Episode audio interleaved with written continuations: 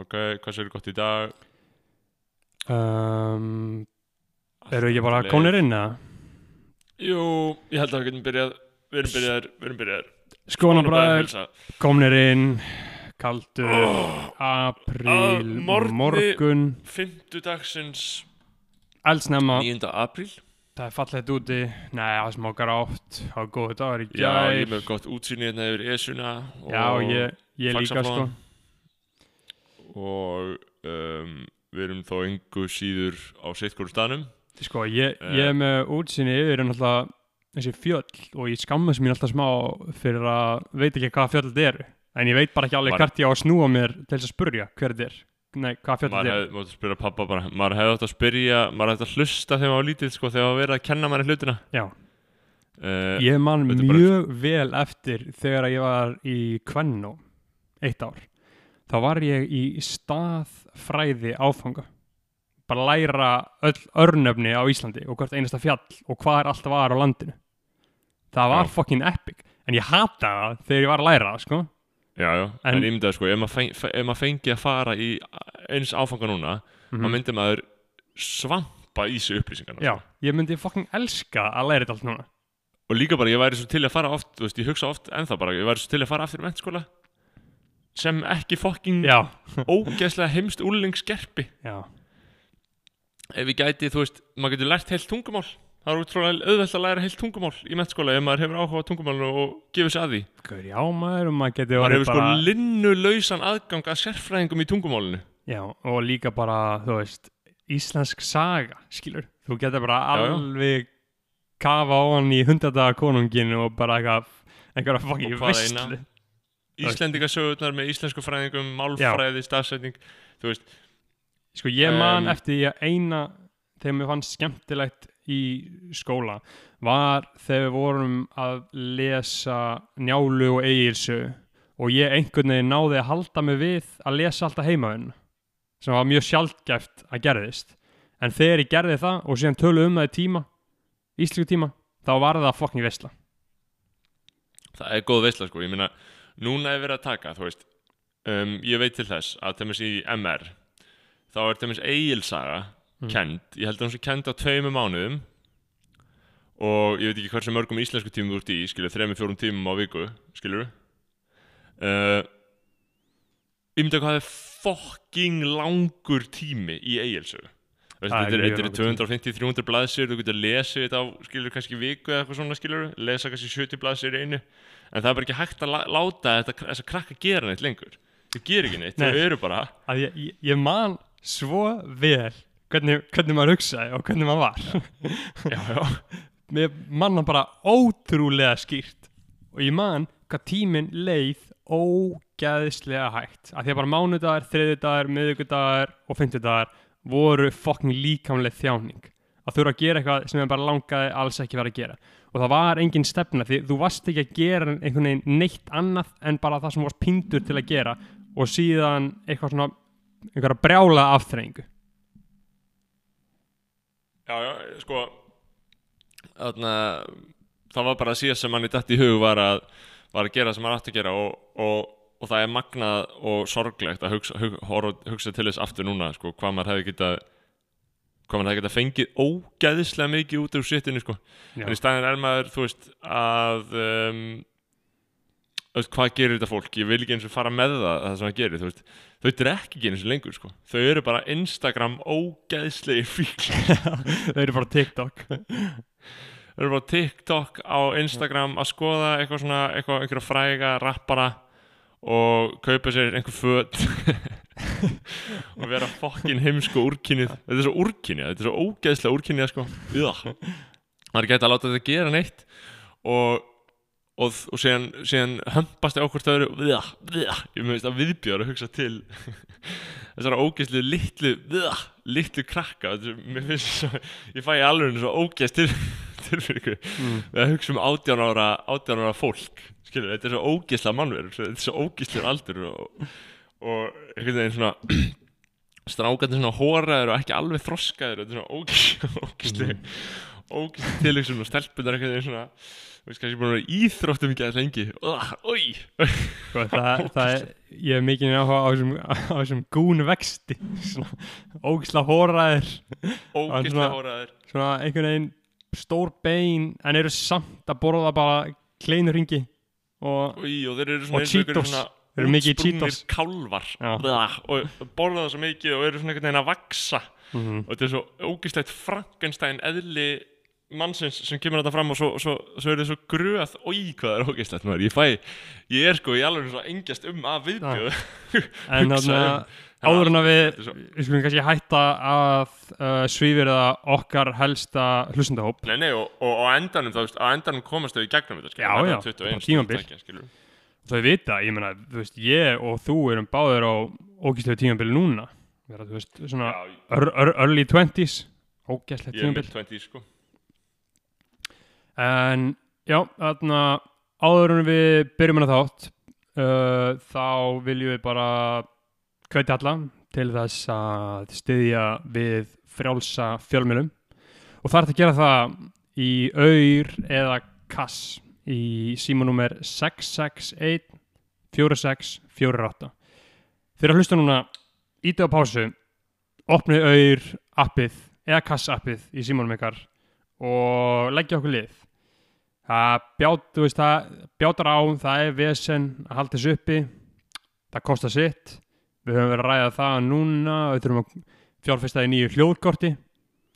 Það kostar sitt 20-30 skall. Það er fakt í málinu, sko. Og, þú veist, og við erum bara að nota þennan pening til þess að ebla já, alveg, þetta koronabúlsitt er að fokka mönningum upp og Já. við bókstala í alvörunni, við verðum að geta haldið, við þurfum- að kaupa sitt og þið verðum að styrka ykkur. Og ég veit að þeir eru búin að neyta, mörg, við, þeir eru búin að neyta þessa efnis frýtt og ég, mér finnst það líka 100% cool og ef þið eigi ekki sitt, þá er líka bara gott að fá virðinga nafni. 300, Já. 500, 1000, 2000.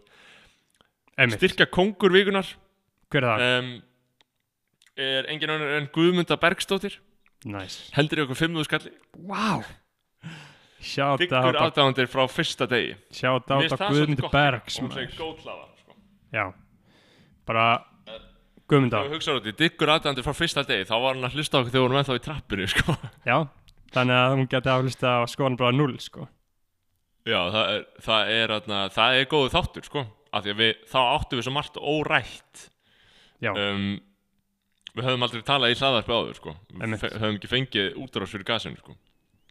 um, Guðmunda Bergsdóttir takk Ella og bara fólki sem þú, þú þetta er bara til fyrirmyndar. Þið eru raunverulega að halda frá, frá sér fjölmjölu gangu hérna tölum við um alltaf helsta og ég held einlega að margir hlusti á þetta að einhverju leiti sem fjölmjölun skilur já já. Maður er svona velta fyrir sig hvernig neysla fólks er skilur, hvort að þið líta þetta sem fjölmiðlun? Í merkingunni, þú veist, ég veit ekki útvarp, útvarp skilt útvarpi einhvern veginn, upplýsingar líka. Um, þó þetta sé þetta mest allt bara gas, persónlegt gas. Um, já, ég, ma maður velta fyrir og þetta er alltaf frjáls fjölmiðlun sko, eftir allt. Þetta er það. Um, verið velkomin í þennan þátt af skoðanabræðum, ég heiti Snorri Másson og þetta er bróðum með Berþó Másson hérna hérna mér á línni jöjöp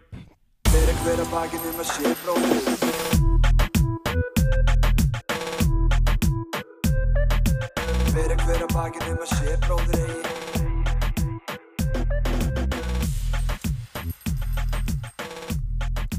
Ber já já.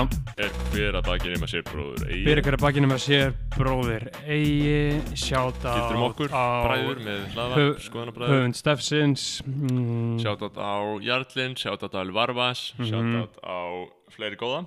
Sjáta á Um, bara alla sem er að hlusta sem er að sitja þetta inn í eirun á sér við kunum að meta Mér síndist, ég hef nú ekki tjekka á því Ég hef ekki tjekka á því nýlega En ég held að hlusturinn sé uh, að helviti góðu skriði sko. sko, hlusturinn er mjög góð. Þetta er að rjúka upp.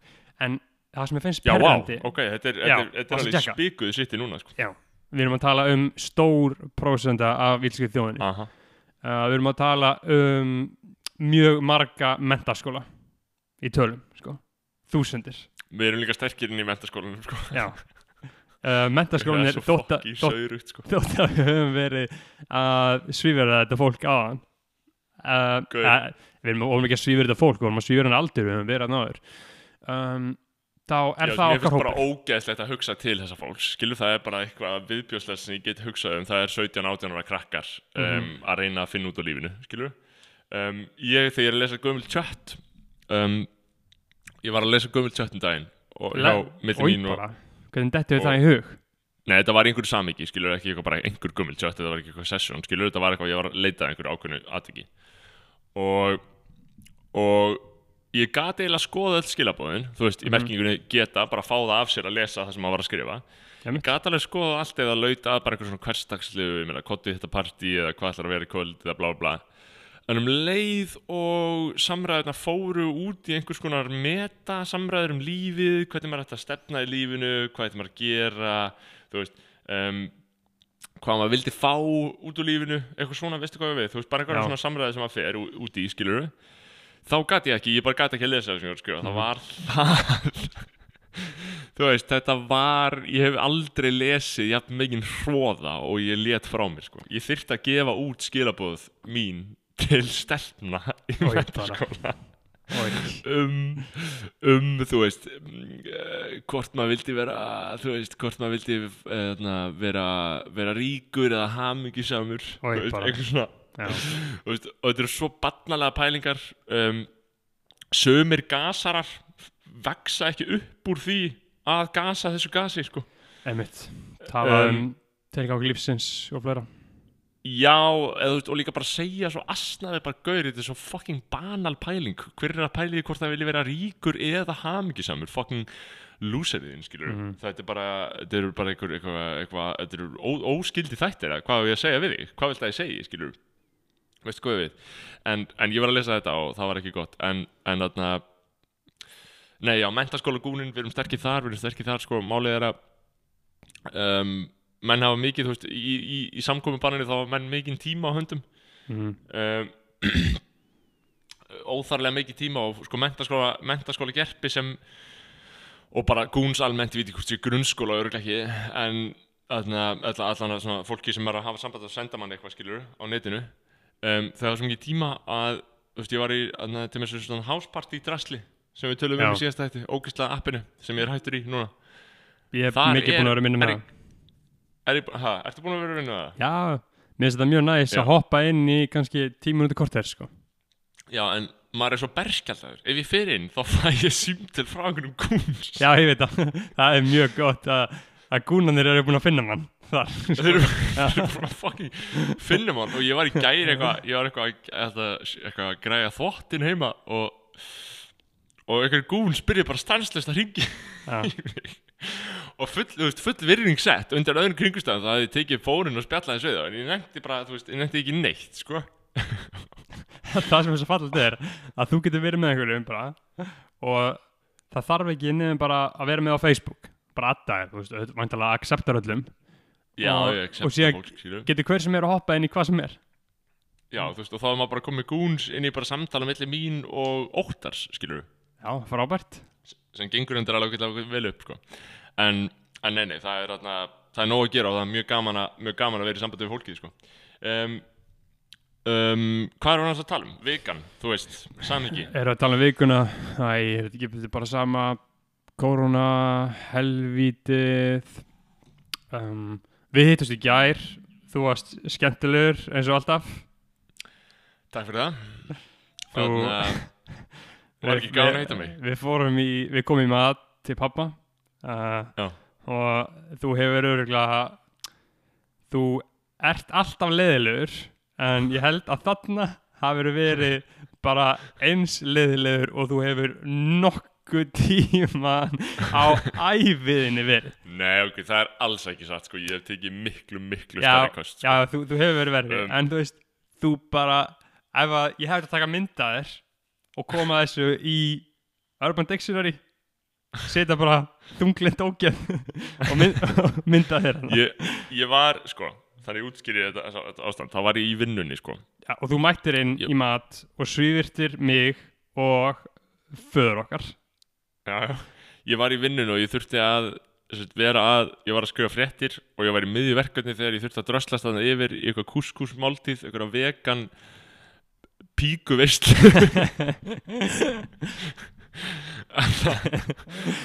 og aðna og, og já, ég hafði ekki mikinn tíma afláts til þess að fara að, að aðna, kommunikera sko. Um, en, en það var ánægilegt að, að borða með, með bróður og föður um, Nei, nei, og þú veist Og ég vissi að það þýði, þýtti ekki neitt að segja neitt við þig að þú varst í svo miklu Þú ert aldrei að fara að færa mig í Nei. nýjan gýr þarna, það tekur miklu lengri tíma sko. Að, þú, þú, var, þú veist þetta er náttúrulega bara geðveiki, skilju þú bara lappaðir inn geðsjúkur. Nei, nei, þú veist þú ég, lappaðir inn ég- algjörlega sjúkur í hausnum með derhúu og trefil og einhverjum stórum fucking skóamanni jakka, skilju En ég er ekki, ég er ekki með trefil sko, ég var bara í turtleneck sko. Já, ok, þú varst í turtleneck já. Já, já. Þú ég var bara skeggjaður sko, ég er með skegg sko. Og um, ég bara sá strax, ok, það þýðir ekkert að útskýra fyrir að kannski getur tekið smá pásu frá vinnunni af því að það er mjög eðlilegt að samkvæmt lögum áttu rétt á að minnst kosti 40 mínúna pásu ef þú áttu en tíma. hver, gaur, en, það eins, er en, ekkert en tussulegra en þýtti að- það ekki að nefna það. En að halda alltaf fram réttindum sínum sko, þú veist. Alltaf fyrsta fólki sem er rekið sem trúur að réttindi sín. Já. þannig að sko þannig að ég á rétt á 30 minnum með mat nei, nei, þú getur bara að ferð síðan aftur að vinna skilur, bara guðan á bænum. Og, og ástandi er ekkert eðlilegt á veðmjölum landsins skilur menn eru bara í, í miklu miklum í hendingskasti í 8 klukkustundir til þess að reyna að halda þessu gangandi sko. Um, en nei, nei, ég mætti kannski hafa viljað uh, vera kommunikatífari en ég menna, núna er ég að komast í páskafrí. Við erum búin að taka mér á ógislega þátt þá er ég komin í gott páskafrí yfir helgina. Um, ég er ekki verið að vinna fyrir ná mánudaginn eða þriðudaginn eða eitthvað. Ég, ég líka, þannig séð. það verður heldur góð veisla. Og ég held að páskarnir séu bara og það er allir að hlusta á þetta um páskana og páskarnir eru bara fólknir skilur það er veisla í gangi og, og menn er að ferða, ferðast innan dýra eins og það heitir. Já, sko, um, hvað finnst manni um mér finnst náttúrulega bara að viður lögga eigi að banna fólki að forðaland mér finnst Já, það sko. ekki nóg að hvetja fólk til að gera það ekki. Mér finnst það eigi að vera bannað. Þannig að veri Það er alvöru skömm í því að fara. Sko, já, ég veit það. Ég, ég er svona báðum áttum með þetta. Sko, ég held að þetta stjórnvöld þau sjá að þau þurfa ekki að banna páskaferðir. Það er málið, þú veist annars myndið þau gera það. Um, sástu, þannig að ég sá á Twitter að í dag eða í gær þá fór mestur fjöldi bíla yfir hellisegi bara í Austurland í bara tíu ár.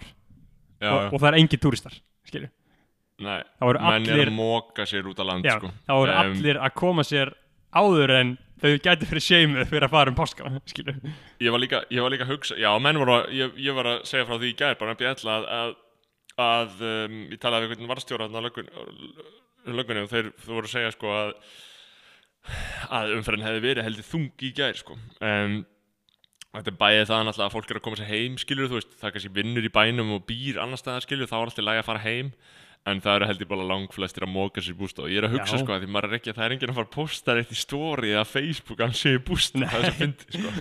Menn er að kæfa þetta niður og ég hugsaði skilur ef ég hefði farið í bústað þá hefði ég gert það sama, ég hefði bara kæft það niður. Að að þetta er rosalega skömm sko. auðvitað er þetta skömm, þú ert að fara gegn tilmælum almannavarna í heimsfaraldri. Auðvitað er þetta skömm eigin rass í þessum aðstæðum bara því þig langar að, ég veit ekki hvað þetta fokkin ógeðslega dekadent úrkynnið að fólk gerir í þessum bústöðum, skilur um, lesi Jón Kalman og byrja smátt og smátt að fróa sér læti sér frá sér bókina og klára. Sko, það, það fyrir náttúrulega eftir sko hópum. Um, það fyrir eftir hópum náttúrulega.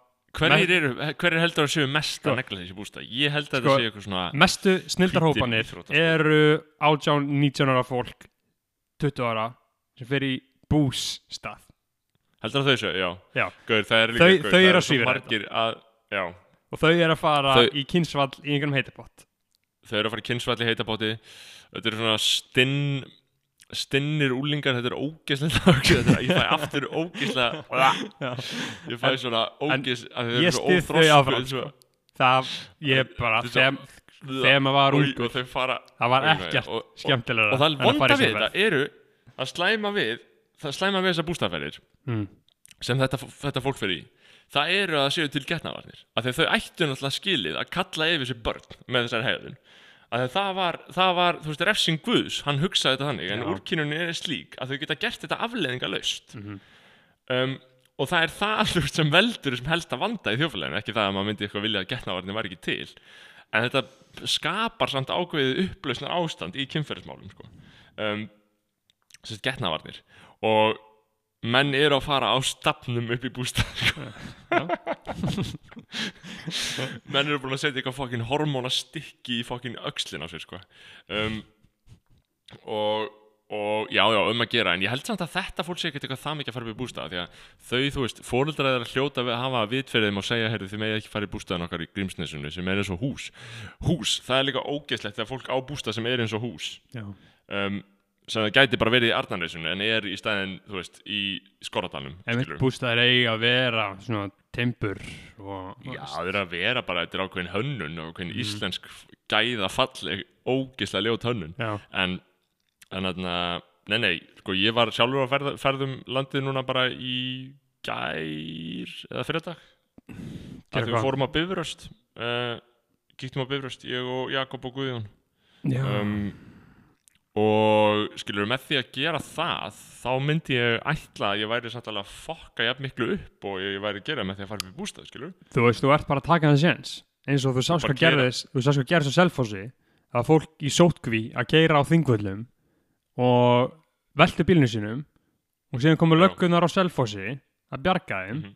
og síðan þurfa þær fjórar löggur að fara í sótkví út af þeim já, já, þú veist, þetta er bara hræðileg kæðverkun og það fylgir þessu svo ótrúleg skömm. Ímyndaða hvað fólkið sem velti bílnum skamma sér mikið. Já, þa- þetta er eins eins og að fara upp í bústað ef ég sé einhvern vera að fara upp í bústað fyrst sem ég er að hugsa er bara djöfisins fucking halvitar já, ég hugsa bara í villiskar sko ég já, þetta er, líka áhugavert með sóttkvinna skilur um, ég losnaði á sóttkvín núna síðasta sunnudag og hef verið að nafninu til frjáls maður síðan. Og ég hef alveg hitt svona hinn og, hitt, hinn og þennan skilur eitthvað svona rétt svo. Alls ekki farið að hitta eitthvað nokkra ég hef bara hitt einn og einn skilur og ég hef aldrei farið að fund margra. Um, og þarna farið búðina, ég farið Elko, ég var, fór í bakari og eitthvað svona. Og það er ógeðslega mikið öryggi, veit ekki hvort fleiri sem hafa verið í sótkví og farið út úr í kannist við þetta, það er ógeðslega mikið, maður er sviftur gett miklu öryggi þegar maður hættir í sótkvíni sko. að þegar- er, ekki, er ekki bara þú að passa aðra sjálf, frá sjálfu þér heldur líka bara það er bara gett mikið öryggi í að vera í sótkví sko. um, síðan hætti ég því og núna líðum bara alltaf eins og ég sé með COVID-19 sko, ég bara vissum það að ég bara hef verið eitthvað á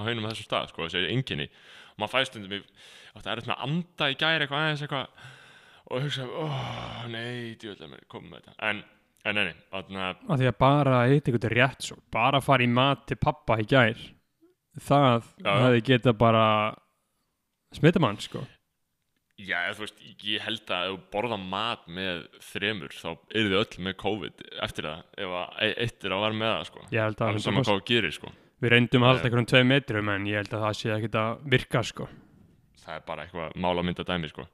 um, Já, þannig að þú veist en Í jú jú þarna, hvað er að tala um innan annað Já, en það er COVID, ímislegt sko, það er ímislegt ímsa pælinga sko, það Uh, er eiginlega margt sem maður myndi vilja ræða á, á þessum síðustu og verstu tímum. Já, já. Um, skoðan bara að taka stórt ell uh, við náttúrulega endorsum okkar mann hérna í byrjun árs.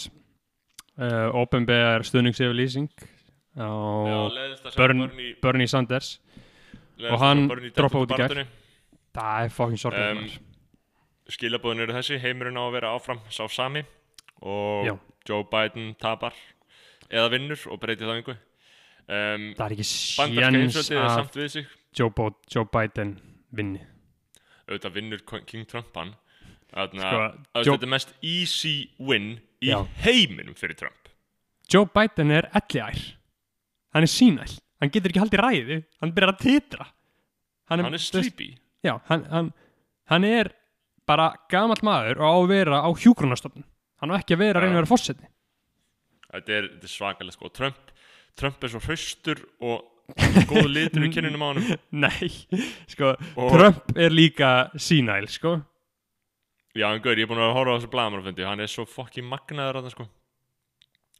Um, en við bara sjáum hann taka þetta aftur 2020 þetta er náttúrulega bara, en, þetta er bara í vetur. Þetta er bara í november, sko. Já. Um, og það sama við sjáum sama hátt að við sjáum ríkistjórnuna ísl, íslensku taka uh, annað kjörtímbil bara eins og hún er, það er all, þú veist þau, menn vilja bara þessa íhaldstjórn uh, annað kjörtímbil þegar við erum að ná okkur upp úr þessu drasli sko. Um, með hvað allir eru ógeðslega ánað með viðbröðina sko. þannig að við sjáum það endur taka sig. Um, síðan sjáum við heiminn breytast heiminn er að breytast, uh, það verður engin þjóðhátt í sumar sagði einhver. Um, Það var, svona það Danmörk er búin að banna var, Roskildi var aflýst og já. eru allir stóri viðburðir bannaðir þangað til í lok ágúst skástrík september. Málið er að þú veist Vá fá hvað ég fer að eðl að hágráta ef það verður á Íslandi líka. Þú veist, ef þetta verður ekki bara komið í fína gýr í júli Nei, nei, ég held að það verði ekki þannig, þú verður ekki með neina tónleika, þú veist, ef við fáum eitthvað svona vísi að eðlu lífi þá er það eitthvað sem við megum hittast nokkur, uh, fólk fara í vinnuna aftur, en það verður áfram, áfram, áfram bannaðir stóri viðbyrður, það munir, munir aldrei fleiri en hundra að hittast í sumar, sko. Um, veiran er bara, útbreyslan er bara ekki orðin það mikil, sko. Um, Mhm.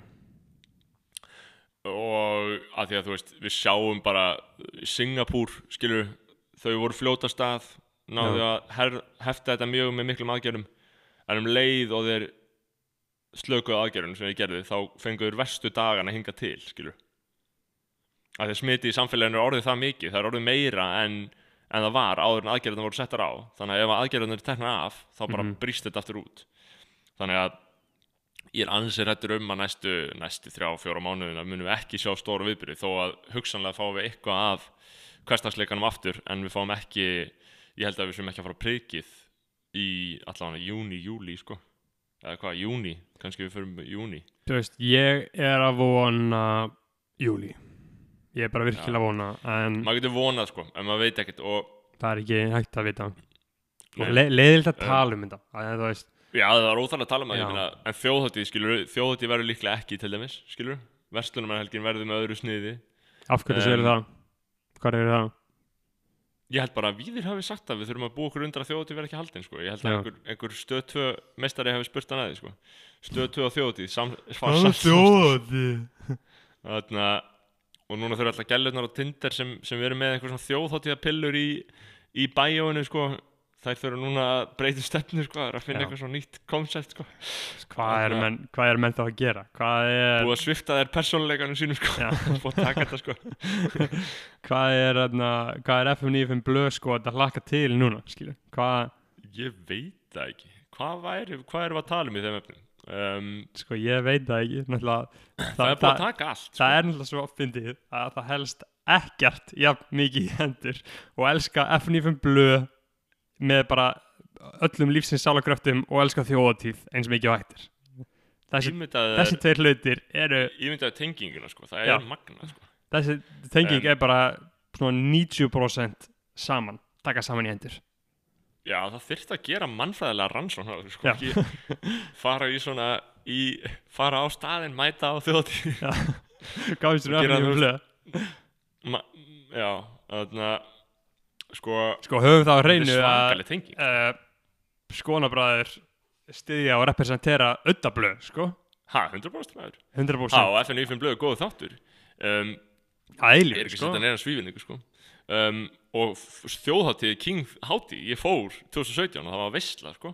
Um, sko, En, ég, en ég það er fór mér fyndið samt að að, skilgreina sig út frá útihátíð skilur já, út frá einhverju plebbalir útihátíð skilur um, og, og það er rosalega algengt. Hefur þú verið á Tinder, hefur þú séð þetta? Já ég, bara, ég, ég, ég hef séð þetta. bara mjög marga gælur það er bara 66 já, mörtsið 66 með merch uh, 66 húfu 66 póka í 66 jakka. Og maður er bara hvað hvað er að gera? Það er að gera þetta þetta er bara einhver brjálaða persónleiki. Og, og svo bara eitthvað segðu mér hvað við getum gert saman í brekkunni eða eitthvað, eitthvað hvað myndið þú segja við mig í brekkunni eða eitthvað ég eitthvað svona um, ég myndi ekki segja neitt við brekkunni. Um, ég, ég skemmti mig mjög vel í brekkunni eins og að þegar ég fór, reykti mikið af síkratum, horfði á horfði á blísin og það var alveg svona það var alveg gæsa húðar augnablik hérna í þessu flugvelda drullu sko. Já. um, um, sko, ég öðna, fór í fyrra og hitt í fyrra. Hvað, ég farið fjóra sunnum um, aldrei, Já, al- aldrei heila helgi en nei, mér finnst gaman að vera en það bara í stemming en ég hata samt íslensk dægulög og svona trúbútorastemminguna sko. það er bara bókstæla háfaði í eyrun á mér sko. allt sem að búi til 1980, 1990 öll tónlist sem fólk fílar síðan þá mm um, ég hatt hana sko ég bara, Ég- Get, ég bara tengi ekki neitt við þetta sko sko, ég hef verið að fatta meira og meira og meira að sum svona tónlist þetta er bara bókstæla háfaði í eyrun á mér það er bara Já. virkilega, mér finnst pyrrandi að heyra þetta. Gítar, asnalegi textar, asnaleg sveita konsept, asnaleg eitthvað. Um, eiginlega ég get ekki eins og nefnt Öll þessi dæmi. nefnt. Já, ég get ekki með góðu móti nefnt sko hljómsveit sem ég hata af því ég veit að lítið um þetta. Já, já, þannig að um, það, það, það er ekki einhver ein hljómsveit sem hata en það er, þú veist, ég ekki segja ekki hata en það er marga sem að ég bara get ekki hlusta á þá bara get ég nefnt, bara, bara, bara stöðmenn sko ég já, bara, ég get ekki hlusta á stöðmenn sko. stöðmenn sko. Mér finnst það Um, ekki skemmtilegt sko. og og ég get heldur ekki hlusta á uh, ok, hvað í svörtum fötum, Sálans Jóns míns já, Skítamóral allt þetta shit. Land og síni fuck that shit. Land og síni reyndar, það er alveg ágæði væp sko. Reymur og King sko. já, en ég get ekki hlusta á tónlistina sko. uh, Írafár mm, ekki þessu, ég er bara þetta er allt háaði fyrir mér. sko. þetta er ekki, við vorum ég veit ekki alveg, þú veist, ég held að fólk hafi verið alveg uppið þess vegna, ég veit ekki alveg hvar það hvernig það átti sér stað hjá Já. okkur sko, ég Nei, man eiginlega ekki eftir tónlist bara þegar ég ólst upp sko. uh, sko pappi hlusta á Leonard Cohen og Cohen, David ég Bowie. elska líka Cohen í dag um, og síðan var bara eitthvað random spænst rust Já. en veist bara einhverju fucking geisladiska fullir af rustli sko. en, en síðan, síðan uppgötaði Ari, Ari maður uh, rap og þá Já, svona, það var eiginlega þar sem við fórum inn já, sko. það var það sem við fórum inn sko. og síðan hlustum á rap en síðan uh, ég mjög- þegar vorum að hlusta Eminem og hlusta á Krili Lee og Já, Darcy Ringi já. sko. Við við vorum svo sjö ára ég var svo sjö ára, maður skildi ekkert konceptið, það var bara Krili Lee Li Li Li Já. Li Li Li Li. Nei, þetta er svona lagið Purple Pills með D12 og Eminem. Og er þetta að tala? já, þetta er Purple Pills, spilum það í lók þáttarnas spilaði lokað og, þarna, og þetta, þetta er mín fyrsta tónlistaminning sko, að hlusta á þetta og lag. Þetta er eitthvað svona if you don't like my shit then you can suck my dick, er ekki það? Jú, jú, og síðan segir hann Cause I was high when I wrote this So suck my dick Já, þetta er þetta, það skal engan undra að hugur mann sé síktur af ránkumvitum um verölduna þegar maður ólst upp í fótskur þessar meistara Já. en þetta er ekki ránkumvitin, heldur þetta er rétt raunsægi sko. Já, um, sko Eminem á þessum árum var svo ógæðslega fucking nettur Svo mikill Já, king hann var virkilega mikill king sko. Og ég, hef oft hugsað tilbaka hvað er öðruvísi svona að uppgöta þessa tónlist af því að það sem að sá við erum alltaf smá aðeins of ungir til þess að vera full blown pop TV sko. ég man Mhm. eftir pop TV en ég man eftir að hafa verið það ungur að ég skildi eiginlega ekkert hvað var í gangi skilur. ég man bara Nei, eftir nei, ég skildi alls ekkert eitthvað svona menningalegt samhengi Nei. að hver var hvað og eitthvað svona sko. en ég man alltaf eftir Cleaning Out My Closet myndbandinu þegar Eminem er að grafa hólu og öðna, Outcast uh, Roses myndbandinu það sem er í house, uh, high school og eitthvað Sean Paul og Beyoncé lagi Þess, Málið er líka að ég held að það hafi verið mjög holdt fyrir mann á þessum tíma, hvað maður sætti sig við, við mikið á rusl kontenti sko. þú veist, Mhm. maður fór bara heim eftir skóla og ef maður kveikt á sjónvarpinu þá var bara, það voru bara tónlistamindbönd í gangi, skilur, Já, það var bara eitthvað boring rusl í gangi, alltaf. Maður bara sætti sig við og það. Maður gerði sér það bara góðu, skilur en núna hefur fólk val um bara allt, skilur, það getur hort á enda löst af skemmtilegu shiti, skilur og það gerir það frekar erfitt sko, að velja. Já, ángurinn, sko, þess vegna er línuleg dagskrá falleg pæling, sko, þetta er svo, þetta er svo andlýðræðislegt og já, eins og bara kúandi, sína tónlismyndböndin og þú veist, bara sjónvarp og útvarp. Já, að þetta sé bara þvingað á þig, Já, þú bara já. þarft að hlusta.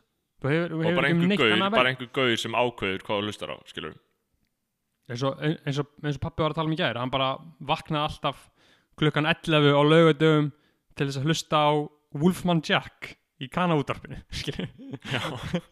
og ég var að googla hann Wolfman Jack sko, hann var að segja þessi guður hétt Wolfman Jack og var alltaf að DJ bara eitthvað svona eh, Zeppelin, Deep Purple og Beatlana og eitthvað fyrir Íslika og hétt Wolfman og var alltaf að svona og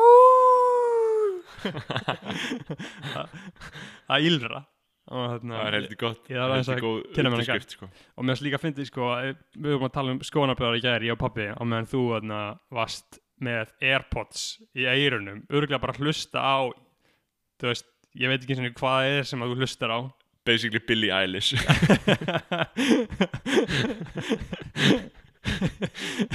Bara í matabóð að hlusta Billie Eilish. Og þarna já, þá vorum við að tala um þá sagði hann bara, já maður, og þið eru náttúrulega komið í páskafrí, eða ekki? Ég bara, "Þetta er- hvað, hvað minnir þið? Já, þið, þið gefa ekki út þátt núna fyrst að ég langa á hann Jú. Einmitt, gæti ekki verið meira drull Kom- um dagana sko. kom ekki til greina. Að því þú veist, náttúrulega fullari fólk hugsa öðruvísi, það hugsa um að við gefum þátt, það þurfa að vera einhver starfsmæður eða eitthvað sem að gerir þetta, það þurfa að vera opin eitthvað stopnun til að koma þessu áfram, skilu að hún sé lókuð Ekki þá kemst ekki það- áfram. ekki það, það eru mjög margir í starfslið skoðanbræð Já, og við erum að senda þau í páskafrí en Já, utan þess við þá erum við bara tveir að græða þetta núna í þessu tilviki.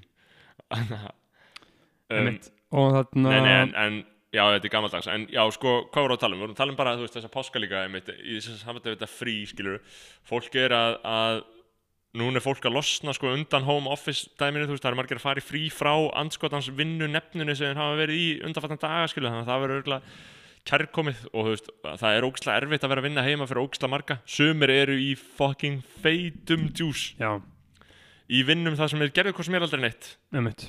Og þannig að núna er það enn minna að gera þannig að þau eru bara heima á sér að leggja sig yfir daginn. Já, að þú veist, þannig þetta er svona þannig á, á, á milli funda eða eitthvað, skilur þá er lagst í sófan og Já. það að gera að það er enginn að horfa þau eru eru ekki í spennu spennu falli allan daginn eins og ég sko en, en þarna en nei, nei, það er ímyndslegt ímyndslegt í en- þessum uh, í síðast þætti þá fór þetta svona ákveðlega væral uh, uh, neikvænis uh, spú já, og viðbjöður út úr ógeðslega muninu þínum.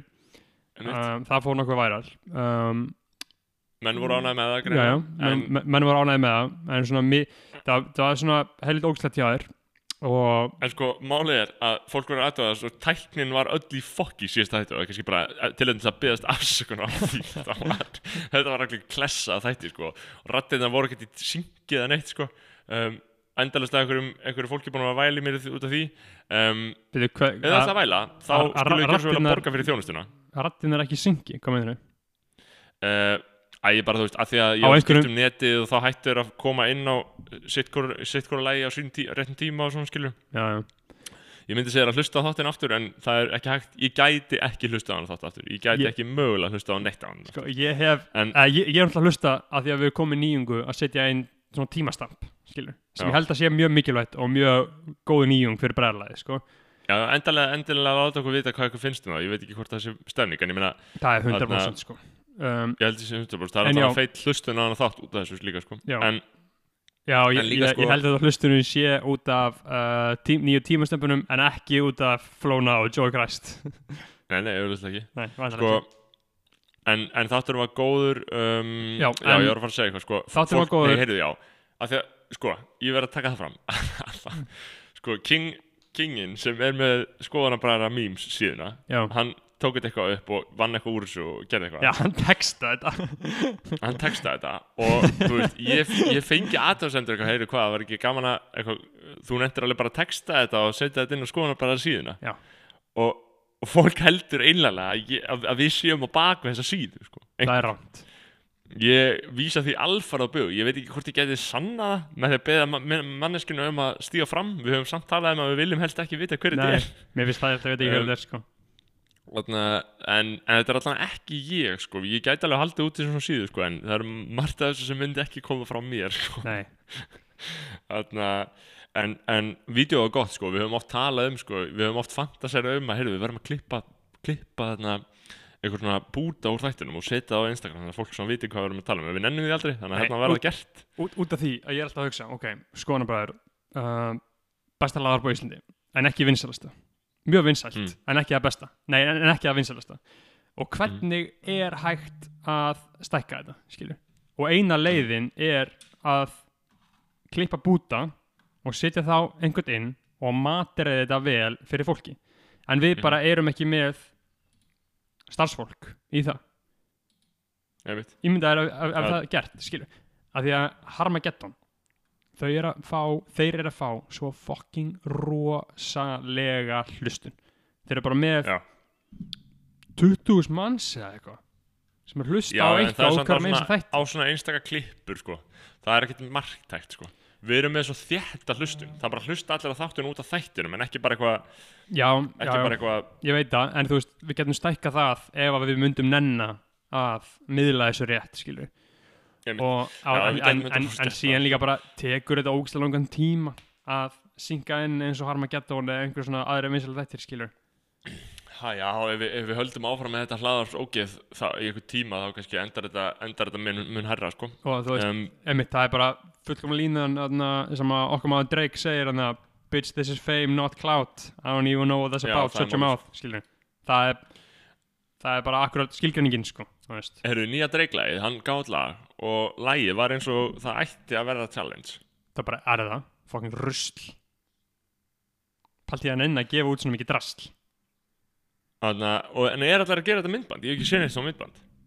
Ertu ertu ekki að sjá stórin í honum hann er bara eitthvað þetta, þetta, þetta er bara markaðs fucking trikk en ekki lag og eða eitthvað, one slut foot slide, Já. two foot eitthvað ég er að boykota Þarna- þetta lag sko yeah. og um leiði heyrði þetta, það væri bara eitthvað gaur þú veist, þetta er aðeins svo mikið, ég skil alveg veistluna í einhverjum mýmum sem verða út af drastlinu en, sem hann hefur alltaf gert uh, náttúrulega sko, eins og Hotline Bling Já. dæmið og en það hefur alltaf verið náttúrulegt einmitt, en Já. þetta var svo augljóst svo Ég er bara eitthvað fucking gaur. kringa þú getur ekki bara haft leiðbenningar í læginu fyrir Nei. einhvern dans, Einmitt. what do you think this is og það, að, þú veist alltaf söguna af þessu lagi það heitir Tusi Slide og Tusi er sem einhver dansari og þetta lag sem Drake var búin að gera líkaði smá partur aðeins, svona snippet og það var orðið smá væral á TikTok og þessi gaur, þessi Tusi hann gerði það að þú veist, hann var svona frumkvöldin á því og fann upp hennar dans við þetta. Og það sem heitir þetta Tusi Slide. Mhm. og þannig að hann gefur þetta bara út Drake. Já, og hann bara gefur þetta út Já. og þetta er bara ógeðslega vinsælt og, en ógeðslega lélætt reyndarleg, smá fyndið og skemmtilegt að þú veit, gera eitthvað svona lag en samt vera eitthvað í textunum með einhverja morðhóttanir skilur það, það, það er fyndið sko. En, en samt, ein, eins og ég segi Drake bæti mannend upp hann gaf út Já. War á YouTube og hann gaf út Einmitt. Chicago Freestyle og to When sem er bara fucking veisla. Tvö episk sko, hann, lög. hann, hann gefur manni skadabætur sko. og já, þetta er alltaf læg maður veit alveg að Mhm. hann gefur út plötu og það verða 20 lög og 10 verða ömuleg en 10 verða fucking episk. Hvenær værum við að tala um plötu frá honum? Við erum á að tala um, við erum að tala um plötu nei, nei, við erum að tala um plötu í ár sko. Við erum að tala um plötu, í- plötu í haust. Já, það verður veistla fyrir tveimur árum það gaf hann út God's Plan í svona februar cirka Gauður, pla önnur plata sem er komin á tíma er Khan. Um, Aron, Aron Jan, Aron Kahn já, það er á leiðinni í sumar. Er á leiðinu það? já þú veist, ég ætla, ég ætla að halda það. Ég get ekki verið að Já, þú veist, ég, ég, ég ætla líka að halda það. Mér langar basically að ringja hann og spyrja bara Gaur, já, ég, ég er búin að heyra uh, mörg af þessum lögum. Ok, feitt Og er Og það gott? Þetta er sko, auðvitað, væntalega er þetta gott sko Khan plata A- núna væri eins og sko. jólapakki inn í þessa tíð sko. ég, ég, ég ætla ekki að vera að tala uh, fyrir hann en ég veit bara e ekki frá uh, persónulegum sjónabúndi en frá fræðilegum að kann er að koma í sumar sko. Já, Khan er að koma kann sko. er að koma í sumar Khan sko. coming fólk hefur að- eða, sko, fólk hefur aldrei sett svýringu á nafni hans en fólk hefur aldrei sett nægilega virðingu á hann. Ha, hann er rapparinn í leiknum. Hann er uh, bara lang, Já, lang veist- bara hann er Fyrir mitt leitið, bara, ég, bara það er bara hann er minn uppáhalds tónlistumæður já, Og ég hef ekki misþynt nokkrum plötum eins heftarlega og hans plötum. Mm, um, að því að plötunar hans er gull singlarnir, þeir eru svo, svo smá Tusi Slide líka oft, skilur, Já, en líka bara góðir. Þeir eru alls ekki, þeir eru, þeir eru mjög sannir á sinn hátt, skilur hann, hann og Drake eru mjög sambærlegir með þetta skilur, þeir gefa út dót fyrir almenningin og síðan gefa þeir líka út fucking veisluna fyrir en kann á líka sjúkra syng, sjúkla synga, óþekk og lítur vel út. Já, það eru fucking sjúki singlar, sko. Gaur, og Eh, en, engi mórall og grunna já, já, já, 100% sko. Þannig en getur ekki tekið hann í fucking næsta þætti eða eitthvað það væri gaman að heyri honum stöðuna á sko. honum. Jú, það, veitu hvað er að gerast inn í stú? Hann er auðvitað bara til í það sko. Það verður veistla, sko. En um, núna ætlum við, sem sagt að tala við að- alvöru við meðlandavikunar já, hérna einu fucking sönnum Já. ég er fucking ána með þetta, við ætluðum ofta að fá hana. Já, ætlum að fá og hana sem, eru búin að fá hana. sem alveg kallna vikunar þetta er búið að vera lengi í vinslu og við erum að setja smá glimmer yfir fokking gráa dökka rík slím hjúpin sem er yfir skoðanabræðum við erum aðeins að glimra það upp og það er engin önnur en Dóra Júlía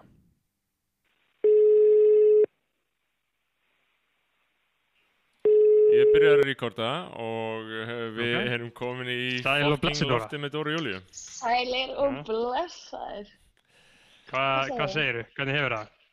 Ég hef það rosa fínt, sko. Ég er bara nývakni, þannig ég er svona aðeins að koma mér af stað. nývakna á fimmtudegi Tegja úr mér. og hvernig líður þér með skilur daginn Þú veist, hvernig lítur til mér bara eins og fyrir þér núna hvernig lítur dagurinn út uh, í dag Sko, mm, það er náttúrulega skýrdagur í dag.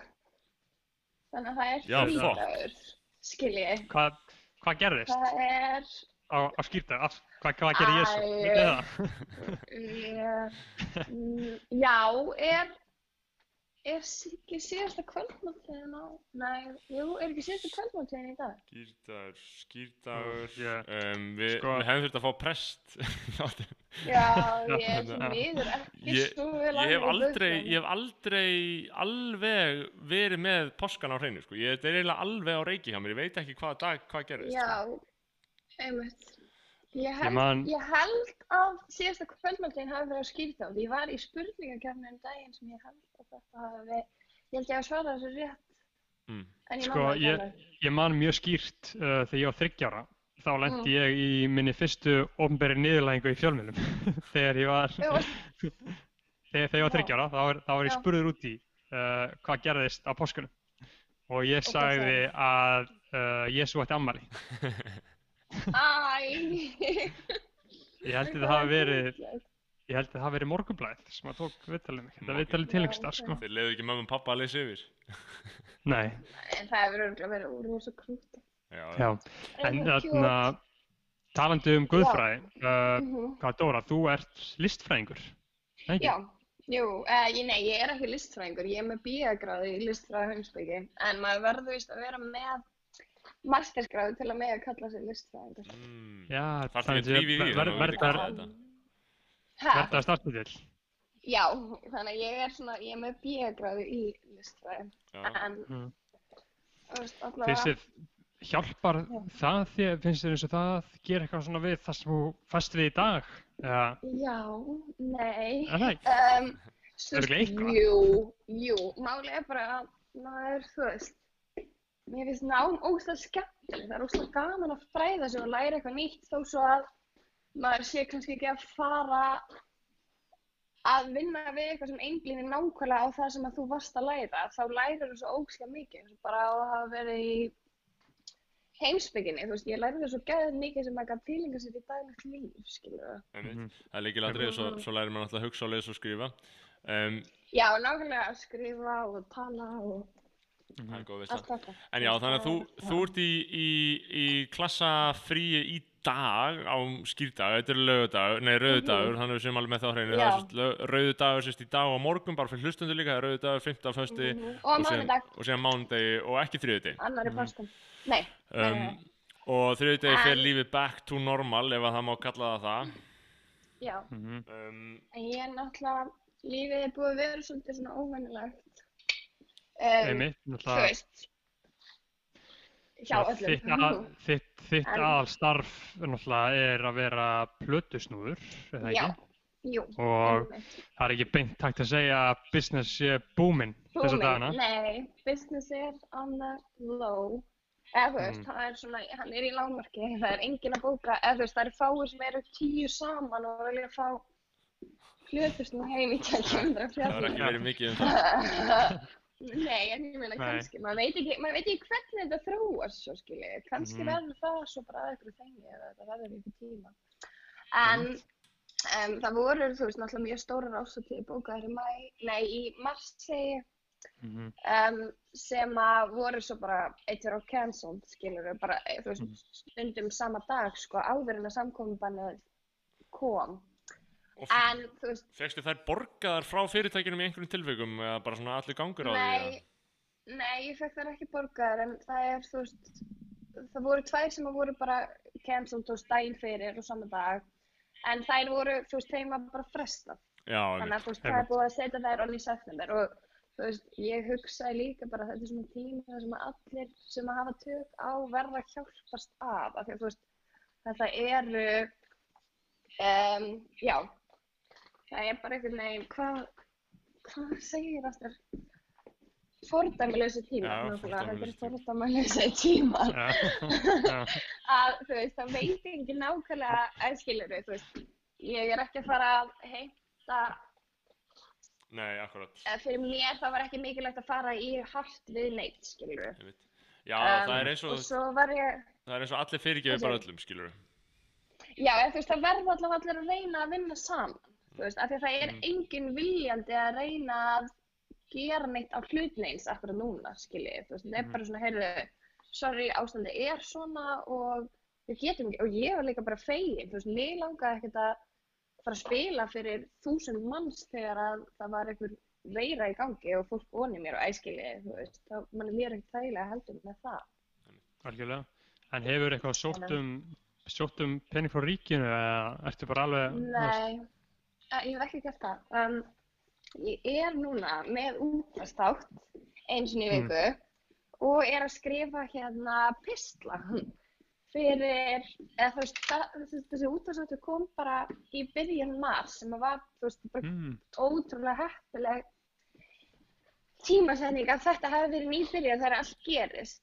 Um, og svo reyndar þú veist, ég meina, janúar og februar voru mjög stóri mánuðir, þannig að eins og er hef ég, ef þú veist, núna er ég með smá tekjur og búin að vera dögulega að vinna, þannig að ég hef ekkert sótt um neitt, en þú veist, ef þetta verður lengi þá bara finn ég út úr því þegar það er að kemur. En við erum náttúrulega, við erum orðnir samstagsmenn, Dóra, hjá Árvakri. Uh, Já, er það? já, ég er aðan bjall. Já, er þú, heyrðu, aðeinslega frétt hjá þér, já, alveg rétt. Ég alltaf að skamma þig. Já, fyrir, fyrir viðurfréttina. Já, já, mér fannst það náttúrulega skemmtileg. Já, já, þetta, ég held að þetta hafi fengið mar, vakið margallega umhugsunar sem var, sem var náttúrulega markmiðið. Absolutt, Em. nákvæmlega. Og ég er mjög mikið fylgjandi því að fólk bara haldi sig, gjör svo um haldi sig inni. Já, er það ekki? Erum við ekki að Mm. tala um það? Að menn bara jú. haldið sig Mm. heima. En svona þegar fólk er að hittast, finnst ykkur fólk ekki vera svolítið að hitta svolítið mikið í svona Jú. litlum hópum? Þú veist, Jú. og mér finnst fólk dansa á línunu, sko, og ég fýla það Mhm. ekki. Nei, ég, þegar ég sé fimm, svona fjóra, fimm vini saman eitthvað, Mhm. þá er ég alveg svona, hmm, Já, ef þú veist, og einmitt, fjóra, fimm, sex, sjö sem eru að hitta aðra og svo eru þið, þú veist, að spila og snerta sama dót og ég er smá svona, eða þú veist, ég veist, af því að vandamáli Það er að bara margir fara bara, margir fara náttúrulega síðan bara aftur heim inn á heimilin með það sem kann að koma út úr þessum hittingum, skilur, það er aðalvandinn, Ég veit það, og þú veist að sne- og fyrir, e- eða að skilja eitthvað eftir á heimilum sem hún mætir á, skilur, þú veist að snersta og þannig að mér finnst þetta smá svona, eða þú veist, þetta er bara svolítið, þú veist, við þurfum að taka þessu svolítið alvarlega og mér finnst einhvern veginn ef að ekkert eiginlega er breytt í Mm. daglegu lífi hjá þér, þú veist, þetta er svona eitthvað, þú getur alveg fórnaði smá að vera ekki alltaf að hitta alla vini, Mhm. skilju, já, já, mér En- En eins og í, eins og, eins og í, í útvarpinu þarna í, á K100, okkar, okkar um, ástkæru stöð, línum. þarna, Já. mhm, um, Sorry, ég er bæði ný vöknu, þannig ég er alltaf svona létt úrullar þegar ný vöknu. þarna, mér finnst hún bara ansi hess, sko. Mér, Með- já, mér það bara í mjög, góðan gýr. Ég það væri örgulega ekki jafn fallegt að tala við mig nývaknaðan, sko. Um, Nei, ég Nei. er alltaf svona örlítið kvassari þegar ég mm. Ég meina, En nei, já, sko kándra, ég meina þar ertu með þarna þessa pælingu, þú veist, jákvæða pælingar, ljósi punkturinn, skilur um, hvað er, hvað hefur verið að finna sem er jákvætt við þetta ástand? sko, ég var einmitt að, þú veist, hugsa þetta, þetta er, þú veist, það er ekkert jákvætt við COVID sjálft, skilji. Það er meira bara svona, þú veist, að því að sjálfsögðu er þetta hræðilegt og það er rosalega mikið bara hræðilegt sem að fylgir þessu, en það sem er jákvætt og fallegt er að sjá bara fegurina í litlu hlutunum og hvað fólk getur, þú veist, sameinast og verið bjartsýnt og halda þessi jákvæðum og bara svona samstaða og hvað fólk er tilbúið að hjálpa hvort öðru og hjálpast að. Þú veist, það er svona eitthvað sem ég hef aldrei séð áður. Þú veist, þessi styrlaði sameiningarkraftur í heiminum er að þú veist, við erum öll að glíma við svipar, þú veist, þetta miserfiðar aðstæður, en við erum öll í þessu saman og fólk er, þú veist, ótrúlega tilbúið að gefa af sér og hjálpast að og leggja sitt að mörgum sem er svo fallegt. Já, þetta er kannski svona fyrsta sinn sem að alheimurinn er bara með eitt sameilegt markmið Já, og það er og- bara að klára þetta helviti, að losna við þetta. Það er ekki að spá í neinu öðru. Nei, og algjörlega, og þú veist, það er líka bara svona einhvern veginn, þú veist, þetta breytir okkur svo mikið við bara svona, þú veist, ég veit það ekki, við erum búin að vera á svona miklum yfirsnúning, bara eins og ég sjálf, þú veist, mér finnst einhvern veginn bara svona síðustu ár, við lifum á svo óslega hrjöðum tímum, það er svo mikið eitthvað svona, svona stundlinninga gyrni í gangi og þú veist, ótrúlega tæknivægt kynnslóð og það er bara alltaf miljón og þú þarf bara að vita þetta og eiga þetta og gera þetta og svona mikil pressa á alla að finna sig og gera sitt og þó að maður sé komin í eitthvað geggjan, eða þú veist, ég veit ekki, þó að maður sé komin á svona sína braut og gera sitt, þá finn, þú veist, þá er alltaf eitthvað svona pressa og kvíði og maður er alltaf, þú veist, það er svo flókið sem að vita um hvað lífið snýst og hvað maður vill út úr því, skilur við. Og þú veist, mér finnst allir segja mig bara eitthvað svona, vá, þú veist, fyrir korteri var ég 20 og núna er ég 60, eða, æskiljiði, þú veist, það er bara svona, tíminn hefur bara, og þú veist, svo hefur við tækifæri núna bara öll til þess að bara staldra við og þú veist, átt okkur á því hvað allt sem við höfum er verðmætt og skiptir okkur miklu máli og hvað við höfum kannski verið að missa svefni yfir hvað, þú veist, einhverjum finnst eða hvað þessi segir, eða skilur eitthvað svona dótri sem að maður alltaf inn átt að sjá og skiptir ekki neinu máli í stærri samhengi. Og það er ótrúlega, eða þú það er líka bara eitthvað fegur í því að hafa tækifæri, þú veist, allavega til þess að, þú veist, núna getum við staldra við og við erum kannski, þú veist, við komumst í gegnum þetta, þetta verður betra við vitum það, skiljiði, þú veist, Já, já, að þannig að þetta, þetta hlýtur að vera til þess að að uh, já, þetta hefur þau varanlega áhrif að fólk allan einhvern veginn veit að það eða þú veist, þetta er svo mikil ámenning Já. einhvern veginn um, um ímslegt sko. já. Það, það, það kjarnar mann aðeins, sko. Algjörlega, og þú veist, Og- það er líka finnir ekki hvað maður fær, þú veist, ég, eðskilur, það eru líka allir í, eða mjög margir í hugleyslu og jóka og eitthvað, maður fær svo mikið eitthvað svona satisfaction yfir því að svona finna að maður er kjarnar, maður er bara svona hér Já. og nú og maður er í tengingu við sig sjálfa og allt þetta, þú veist, það veitir manni svo mikið svona, já, það veitir manni svo mikla ró að geta verið í tengingu við sig, en sumir hafa bara ekki haft tíma til að staldra við og hugsa bara, þú veist, hver er ég, hvernig líður mér akkur núna? nú er bara, nú bara loksins komin tími þar sem að fólk getur raunverulega bara áhyggjulaust að einhverju leiti halla sig aftur Já, svona samviskur, og- samvisku bitslaust, Mhm. einmitt. Að, þetta er, ég er með tengið þessum að segja að þú veist, maður er alltaf að fucking keira þetta áfram. Hvað er næst? Hvað er ég að fara að gera? Já. Ég er að fara að gera þetta, þetta, þetta, þetta. þetta, já, Já, já, og hvernig get ég gert þetta hérna svona. En núna er maður alveg bara, það þýðir ekki að gera neitt. Að það Nei. veit engin neitt. þú veist. Núna er maður bara alveg bara Nákvæmlega, sko. nú erum við bara, og þú veist, við erum bara svona dálítið að treysta yfirvöldum og universinu og við verðum bara einhvern veginn að finna okkar, og þú veist, við erum líka náttúrulega rosalega, þú veist, allir sem eru í þessu stöð að geta svona sem í áhyggjulust bara að staldra við og, þú Mhm. veist, skilji, eru rosalega, við erum rosalega heppin með það. já, já, Af því að þú veist, eins og ég segi, það er auðvitað fullt af neikvæðum hliðum, en þú veist, mér fannst bara þannig að, þú veist, ég, maður fekk bara kvíðakast að fara inn á fréttavefi og lesa, þú veist, þetta var bara hræðileg frétt og hræðilega frétt og hræðilega frétt, skilji. Og þú veist, ég hugsa, það er auðvitað ótrúlega mikilvægt að vera meðvitaður til þess að fólk geti hjálpast að lagt sér það mörgum, til dæmis með það að, þú veist, það sé samkombænum, en eigi ekki verið að hitta fullt af fólki og allt þetta, þú veist, og fylgja reglum. En það er kannski ekki mest að vita nákvæmlega hversu margir í hverju einasta landi í heiminum er að deyja á hverju einustu mínútu, skilji. Einmitt. Þannig að ég hugsaði bara að það er örugglega líka, veist, það er mikilvægt að geta grípið í jákvæðar hugsanir að bara sem veganest út í daginn sinn. Og ég var farin að vera bara, þú veist, þarf stundum, þú veist, stundum þarf það ekki vera meira en bara setja á eitthvað lag sem að læta manni líða vel og maður ákveður að byrja daginn sinna og hækka bara lag í botn og maður er bara aðeins þar, skiljið Já.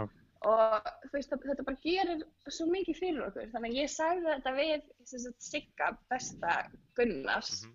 Mesta fagmann sem ég þekki Siggi Gunnars ég sagði við hann, Á K100 Já. út, af maðurinn, já. já, Já. já, hann er algjör bara yndislegur gleði gjafi og Mhm. ég hérna sem sagt, var hérna að taka upp í árvaki og sagði eitthvað svona, þú veist, ég bara get alltaf lesið fréttir, eitthvað það þyrst að vera eitthvað svona jákvæðni dagsins og svo fer ég og eitthvað svona, ég sagði eitthvað, ég skal sjá um það, það væri ógeðslega gaman og var samt bara, þú veist, að henda þessu út í þetta var, bara kom til mín þarna á þessum, þessari stundu.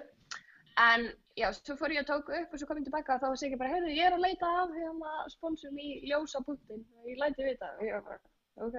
Þannig að, þú veist, svo bara nokkrum dögum sinna byrjaði ég að gera svona tvær, þrjár fréttir á dag Ég er, ég er er helviti ánægður að fá þetta lýs við Árvakur og upplöðust fjölmiðl landsins. Mhm.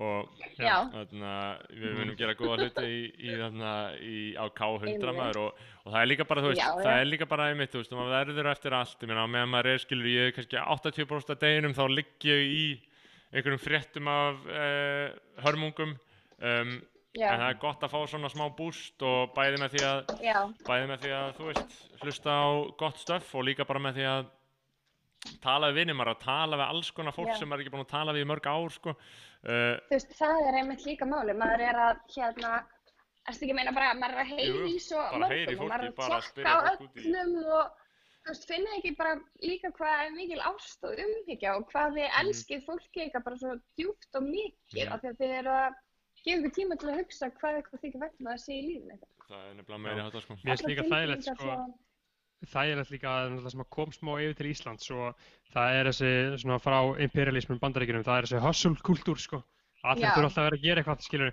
að ef, þú- ert ekki ef þú ert að horfa á eitthvað þá ertum við samvinskupið yfir að vera ekki að lesa Já. og ef þú ert að lesa ertum við Mhm. samvinskupið yfir að vera ekki að græða pening skilur Já, já, og þetta er einhvern veginn alveg þannig og þetta er fín pása fyrir það, fyrir alþjóð sko. Já, af því að, þú veist, svo er það líka bara svona, skiluru, kvíði og stress og þetta verður svo yfirþyrmandi ef við erum að tilenga okkur, við þetta á hverjum einasta degi, alla daga, skiluru. Mhm.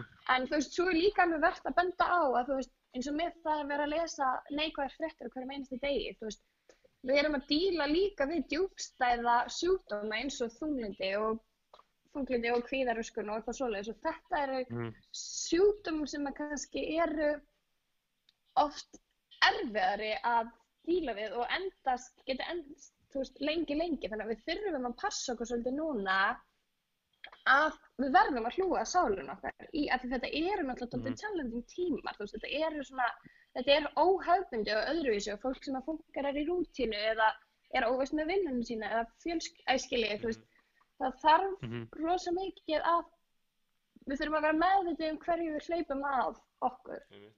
Og við þurfum svolítið að nota, veist, jákvæðni er algjört vopn og við veitum það alveg, þannig að, þú veist, þó að sé bara eitthvað svona að hérna sjá einhverja ógeðslega krútlega, eitthvað krútlega YouTube-vídeó, skiluru, en þú veist, það getur samt bara svona, Já, akkurat, ég er alltaf, ég er alltaf svo gladur, ég er alltaf, ég er alltaf að skoða eitthvað á Twitter og ég er alltaf að sjá einhverja börn eitthvað að fyndi og eitthvað barn að spyrja fóröldar sinna, skilur, hvernig, hvernig COVID 1 og 2 og 3 var, skilur, já, þau eru þú miskilja, veist, að vera með þegar þau voru lítil. þannig Já, að, Mhm. það er- þannig að, já, þetta er mjög, þetta er mjög, þarna, Það er ímislegt fattet sem kemur í ljós inn í öllum Já. Já, lí- svona Lík, ein, líka bara svona ven, venjur afþeng Sáuðu þið myndbandi sem fóðu að görnum sem að það er allt í á einhverjum stigangi og allt í vatni og hann hoppar niður og lendir á einhverjum bíl? Nei. Sáuðu það myndband nei, Þið verður að checka þú það situr henni í skoðan Já. bráðlega Já, ég se- set það bara inn í sko waterpark, já. Já, Já, þetta var eitthvað, var sjúklega skrítið sko en þarna uh, einmitt, talandi um uh, jóka og huglistu og allt þetta uh, Dóra, þú varst að fara til Já. Bali Ég í jóka nám núna. Þú ættir að vera Já. þar núna, eða ekki? Jú, ég hérna, sem sagt, ég ætti að vera í, já, bara í Bali núna. Ég átti, Hvernig- að fara þannig 29. Ég átti sko, ætti það er svo fyndið. Ég var bara eitthvað svona, ég er búin að setja, í close friends á Insta, svo finnur maður þetta og maður er bara, oh my god, það er svo fyndið. Bara í loki janúar er ég bara eitthvað brjála að gera næstu tvo mánu og bara, þú veist, miljón gig í mars og svo bara er ég að spila, þú veist, ég átti að vera með þrjú gig 28. lögðskvöldinu og svo fært Mhm. í Bali á sunnudagsmóndinum. Ah, Og svo ætti ég að koma heim frá Bali og fara til Króatíu að gigga, koma heim í þrjár vikur og fara til Gríklands í mánuð, skilur. Þú veist, þetta var bara eitthvað svona plani, þetta var framöndan og maður var bara eitthvað svona, ok, en þú veist, þetta var bara svolítið svona, þú veist, alveg gæðveikt, en ég var ekkert eitthvað, kannski endilega sjúklega meðvitið um hvað ég væri styrlaslega heppin að þetta væri plani hjá mér. mhm. En, hérna, líf. þú veist, já, maður var alveg ansi, en já, svo bara, þú veist, ég var svo í smá afnýðin með það út af því að ég er búin að ætla að gera þetta óslega lengi, alveg bílaslega lengi. Og ég var mjög stolt af mér að hafa tekið frí í apríl sem að væri annars mjög stór mánuður, skilur En þú veist, svo er ég búin að vera alltaf, ég ætla að finna einhvern bara mega low mánuð og svo er bara búið að vera rosa mikið að gera í öllum mánuðum síðustu tvö ár, skilur Mhm. Þannig að ég og Hildur svo, besta vinkona mín, býr út í LA, en sem betur fyrir núna, komin heim. Um, hún hérna, við ætlum að fara saman. Og svo bara svona, þú veist, hægt, það voru, þú veist, mamma var lengur búin að segja um mig bara, þú ert ekki að fara á mig, líst ekkert á þetta og eitthvað svona. Um, En svo bara svona, þú veist, var ég alveg föst að því, þannig til svona kannski tveimur vikum áður, þá bara svona allt einu sætti ég mig við.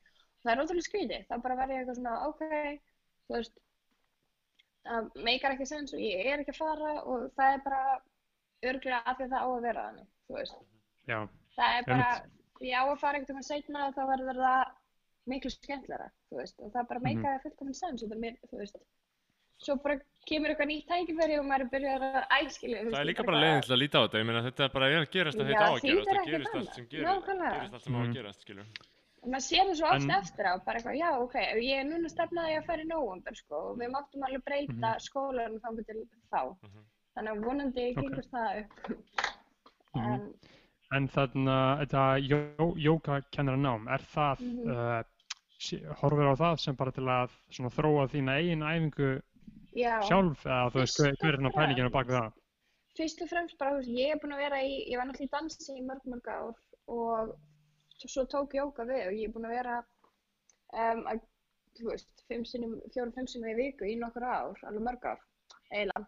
Þannig að ég hugsaði bara, þú veist, Mm. mig langar, ég hef rosalega mikinn áhuga á þessu, líka bara flæði og öndun og, þú veist, hugleyslu og jóka nýtra og eitthvað. Og hérna, um, já, þannig að pælingin var fyrst og fremst bara að fara í svona smá andlegt ferðalag með sjálfur mér. Um, en þú veist, svo veit maður ekki. Ég, ég svo sem kannski sé ekkert fram á að vera, ég var ekkert að stefna á það núna, bara að fara að kenna fimm tíma á viku eða eitthvað svoleiðis, mm. Einmitt, Meira en það bara alveg til svona greina þessu. tímpúti, hugsanlega. Einmitt. Já, eða þú veist, þá hefur maður þetta og jafnvel bara eitthvað svona að fara í fyrirtæki eða maður getur kert þetta erlendis, en þú veist, maður veit ekkert hvað er, Mhm.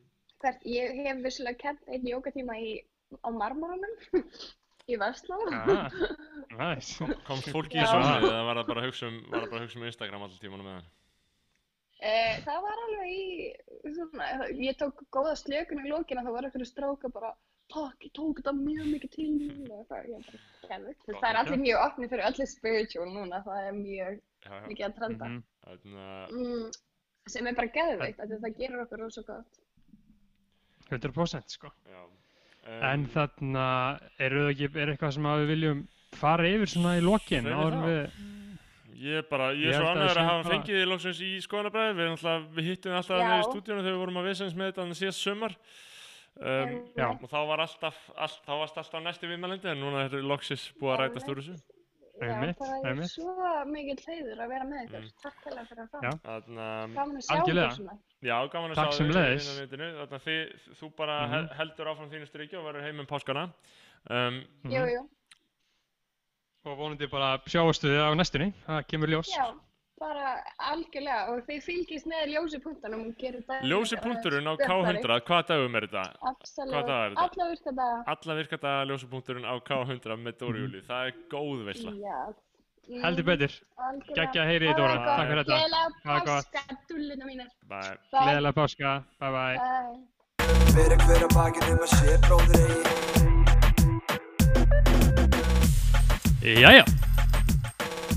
Gott bjall, Einstaklega ánægilegt. Einstaklega ánægilegt að tala við Queen Dóru. en eina Eh, sanna. Það er líka bara góð veisla í gangi þetta, skilur. Og gaman að vera, fá, hann- gaman að fá hana á, á, á, á minn góða vinnustaf. Um, Einmitt.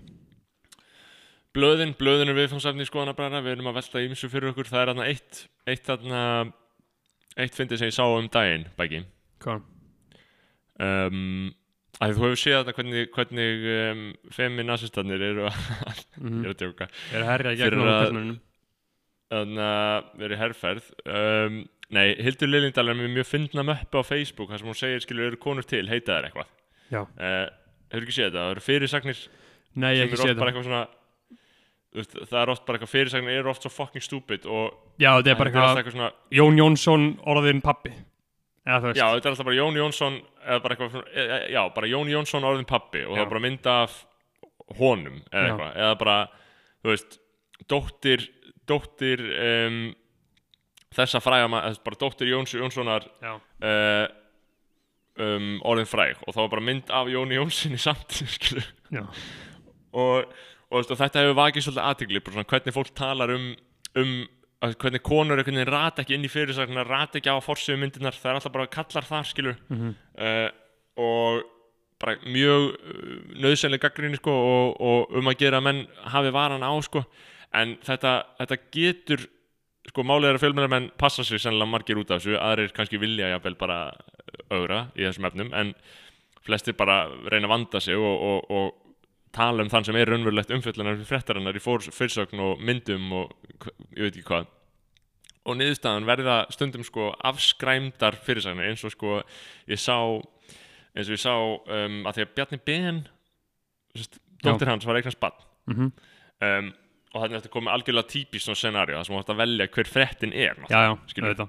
Væntalega er Um, fréttin að Bjarni Ben er orðin afi. og vendalega er fréttin, fréttin bara Bjarni Ben orðin afi skilur Það er er bara hans. fyrirsögn og allir klikka nema hvað, fyrirsögn var, ég held að það hefði verið hjá þú ekki að fara með það, hvort það hefði verið hjá sápunni á vísi Já, þ- það var á vísi. Ég sá það einmitt bara. Bjarni Ben orðin afi. Það var fyrirsökur sem ég sá. Var henni breytt? það? heyrðu, var henni breytt? Ég sá Bjarni Ben orðin afi og ég hugsaði, hm, Vá. ok, það það er Vá, bara eitthvað hvað það er fyndið, að því að fyrirsögn sem ég Já. las er eftirfarandi Já, Margrét og Ísak eignuð sitt fyrsta barn og Bjarni Ben því orðin afi. Einmitt. Vesta fyrirsögn á jörðinni. Já, bara mesta, mesta, mesta mesti barningur sem ég lesa á efni sko, ég er alveg og, og 90% þá var komin mynd þá var komin svona tvískipt mynd sko af held ég dóttirinni og makanum. Og Bjarni fekk ekki einu svona mynd sko í Nei. aðalmynd. Og ég hugsaði, gaur fréttin er ekki Margrét og, eigna, í Margrét og Ísak eignuðust sitt fyrsta barn, þó er endar Ísak síðan einhver fígúra og Margrét sé einhver fígúra skilur, whatever. Um, en, en þetta var þetta er svo fyndið að það hugsa ég bara, já, ok þetta er bara algjört kvíðakast yfir því að einhver segi eitthvað yfir því að Bjarni Ben sé orðin afi, skilur, að það sé fréttin, skilur um, um, Mér, mér finnst reyndar- bara og- basic að gera fyrirsög fjármálar á þeirra orðin afi. Já, já, Fjármálar á þeirra auðvitað afi í basic. fyrsta sinn. En það er náttúrulega tilvik þar sem þetta verður fokkin heimskulegt, þú veist, ef, ef að dóttir hans ef að dóttir hans Bjarnar væri bara ráðin um, ráðin í vinnu þá myndi ég reynda líka vilja hafa fyrir svona þarna, dóttir, veist, að því að það er, það er frétt það sem gerist við þá sem eru tengda mjög frægum, skilur og þetta er oft erfitt hvernig við átt að orða það, og þetta getur ekki sagt bara eitthvað og þetta er oft með fótboltamenn skilur kærastan hans, kærastan hans þessa, þú veist, kærastan hans skilur að segja gerir þetta skilur eitthvað svona. Já, ég, Um, þú veist, ég hef mikið náhuga á svona nánum ættingum eins og hefur sér sinni Tom Hanks? Nei, svona þessi rappari. White trash bara meth rappari sko. Ok. Bara Machine Gun Kelly feelingur sko. Var hann góður að? nei, eða þú veist, bara Nei, bara fyndið, skilur Tom Hanks, Þarna, eins og vá þegar Tom Hanks fekk koronavírusin þá svona myndi maður myndist maður á hvað hann er fucking vinsæll og hvað allir elska hann ógeðslega mikið. Já, paldi ég að vera svona Hollywood leikari og allir elska það svona ógeðslega mikið. Með mitt og það er eins og allir Þarna- einhvern veginn klúri sínum málum, skilur bara eitthvað, einn lítill skandall getur fokkaður upp, eins og gerast sem Matt Damon, hann var bara búin að vera algjörlega low-key alla sín æfi, bara átti episka 90s early 2000s, Jason Bourne og eitthvað. Og síðan, síðan fór hann þarna í eitthvað viðtal og, og þá og var eitthvað að tala um, ég man ekki hvað það voru að tala um. Eitthvað svona uh, svar, um svartar konur eða eitthvað svo leis og hann byrja eitthvað að útskýra fyrir henni hvernig hlutin eru. Og þá bara kom orðið Damon Splaining skilur það var bara algjörlega eðilega skilur, bara eðilega í reppið hans í mörg ár og hann hafði bara allt svo smooth fyrir hlangur til þá. Þá bara eitthvað svona smá búið að ska skilur svipa með en Tom Hanks er alveg Tom, óskattaður Tom Hanks er bara algjörlega óskattaður en, en síðan er svona margir sem er svona fíla svona fuck up eins og Brad Pitt allir fucking elska hann í dag. Af því hann hefur einhvern veginn svona þú veist, fór í meðferð og gerði hitt, gerði þetta þú veist, Mhm. ná, ná að vinna sig upp sko. Hann að fyndi að vera svona flekklaus eins og Tom Hanks skilur, bara búin að vera giftur öll Svi- svipa á Bernie. Og ég hugsa oft um eins og við verum eins og oft í svona svona comedians í SNL eða eitthvað skilur að í bandaríkjunum er eitthvað að gera eitthvað og síðan er eitthvað dreigið upp sem við voru að gera fyrir tíu ára með eitthvað. Eitthvað svona ræðilegt það að vera skoðanabræður fyrir okkur já, er 100% ef maður eftir tíu ára verður eitthvað að draga upp sérstaklega klippur þar sem við erum að segja eitthvað sé þroskaðtur eða og, þú veist, og líka, og líka gaur, það verður bara svo veist, þetta, þetta verður svo ótrúlega aðgengilegt. Þú getur bara Já. farið í ótrúlega bara fleiri sólarhinga af efni af tæpum hlutum. Já. þú er kallað mjólk nöðgunagröft og bara já, Allt- og þegar við erum að tala eitthvað um feminisma skilur þú veist við vorum já mikið að þegar ég er tala að um segja feministar ég Já. sagði feminasistar á Já. þann en sko, málið er að þetta er líka fólk það líka átt að segja á því í þessu samiki að við erum að, að, að sko leggja nöfn okkar að veði hérna. 100% og það er hluti af greiðslunni sem við þurfum að fá. Mhm. af því að þetta er bókstala ekki ókipis að leggja nafnsæftuna við þetta er hræðilegt fyrir mann, þetta getur gert mjög slæma hluti. Og við erum að, við erum að framleiða efni fyrir ykkur. Þetta er til þess að glæða ykkur uh, og og þið þurfum þá einhvern veginn að gjalda okkur áhættuna. Skilur hvað við, já. ertu ekki sammála því æ- Þetta er eins, ég var að átti þessum samræðum um daginn á Íslandi að vera frægur tónlistamæður sko verðlaun á móti sársauka eru svona frekar, frekar lélt ratio sko. Því jú, þú græði pening og eitthvað svoleiðis átt gott líf en þú verður svo ógeðslega frægur. Og lífið að vera ógeðslega frægur er svo fucking hræðilt, ég bara get ekki ímyndað með neitt verra í lífinu ímyndað er að vera bara þú veist, herran hnetur sem er level frægur, skilur þú getur ekki, já. þú getur ekki farið neitt þú getur ekki farið í búð án þess að allir séu að æja þig. Það er allir að, veit að all, allir anninni hver þú ert og það er allir, og þú ert að byrja að hugsa að allir annars séu að hugsa um þig. Hvað finnst þeim um þig, skilur og þetta er svo lélegt sko verðlunin sem þú færð hér, að því það er svo ógeðslega mikið þak, Af því þú verður ekki eins og filthy rich skilur Nei, þú, þú kemst bara x hátt og það er svo ógeðslega mikið þak á þessu. Og þess vegna eru verðlunin svo léleg á móti sársökunum sem þú þarfst að taka út fyrir þetta. Já, er þess að það er ekki sveirum til þess að verða alveg ríkur. Nei, þú veist, um, þú getur orðið alveg ríkur út í bandaríkunum og farið út í og verið þarna, svo, herðu, talandi um það, djöfull er þetta fræga fólk að núti í bandaríkunum asnalett gegnum með koronavírus maður. Sástu, imagine en það myndbandi sem að Gal Gadot gerði. Nei, nei. Ég, er, það, er það eitthvað svona Hún fjær, hópsöngur eða? já, hópsöngur fullt af fræði fólki. Til þess að syngja þessi hópsöngvar. Imagine. Og, það- og það var svo fokkin gott mím að ég Gal Gadot er hann frá Ísrael. Og það var eitthvað svo gott mím hann sem mými af Erik Andrei það sem hann er að skjóta byssu skilur og Já. skjóta fyrir aftan skilur og það var eitthvað Gal Gadot að syngja Imagine fyrir a- allt fólki og reyna að lækna heiminn og síðan hún að snúa sig við að skjóta paldi, palest, krakka frá Palestín skilur ha já, 100% það er það sem er að gerast með þetta fólk. Þarna, og bandaríkjumenn eru náttúrulega fokkin ógeðslið síónistar sko. en sko eins og með hópsöngin, það, það var þessi átna hópsöngur á, á, á þessi íslenski og hann var, þú veist, ég var alveg smá glaður með það, skilur, það var bara þetta var svona ágætlega skemmtilegu texti þannig séð. Skilur, sástu það Já. ekki að sko, ég er alltaf að hugsa svona, er ég svona leiðilur ég nenni ekki að klikka á neitt svona kjafti. Nei, en ég myndi, ég myndi, þú veist, ég, ég horfði, ég hefði ekki gert það, en bara því mamma var hérna með tölvuna og þetta opnaðist bara. Og þá byrjaði ég bara að horfa. ég hugsa oft bara, en- vá hvað ég er fucking leiðilur ég sé bara eitthvað livestream tónleika. Ég nenni ekki að horfa. Nei, nei, þetta var annað, þetta var svona samsett lag með fullt af söngurum og allir að syngja eitthvað svona, þetta var svolítið svona We are the people, eitthvað We are the world, uh, við skulum vera heima og ferðast innandir á, þetta var alveg svona frekar, frekar hugljúft myndband, og maður var alveg svona frekar glaður með þessu og þetta er svona samtakamáttur í þessu. Um, og, og það var einn að fá um hópsöngum sem ég hata ekki, sko, ég hata aðra hópsönga, sko. hvaða íslensku tónlistamenn voru það? Ég fucking salka sólofrængina skilur Já, bara eitthvað Matti Matt. En, já, ég er svo tengingalös við svona íslenskt íslenska legacy tónlistamann sko.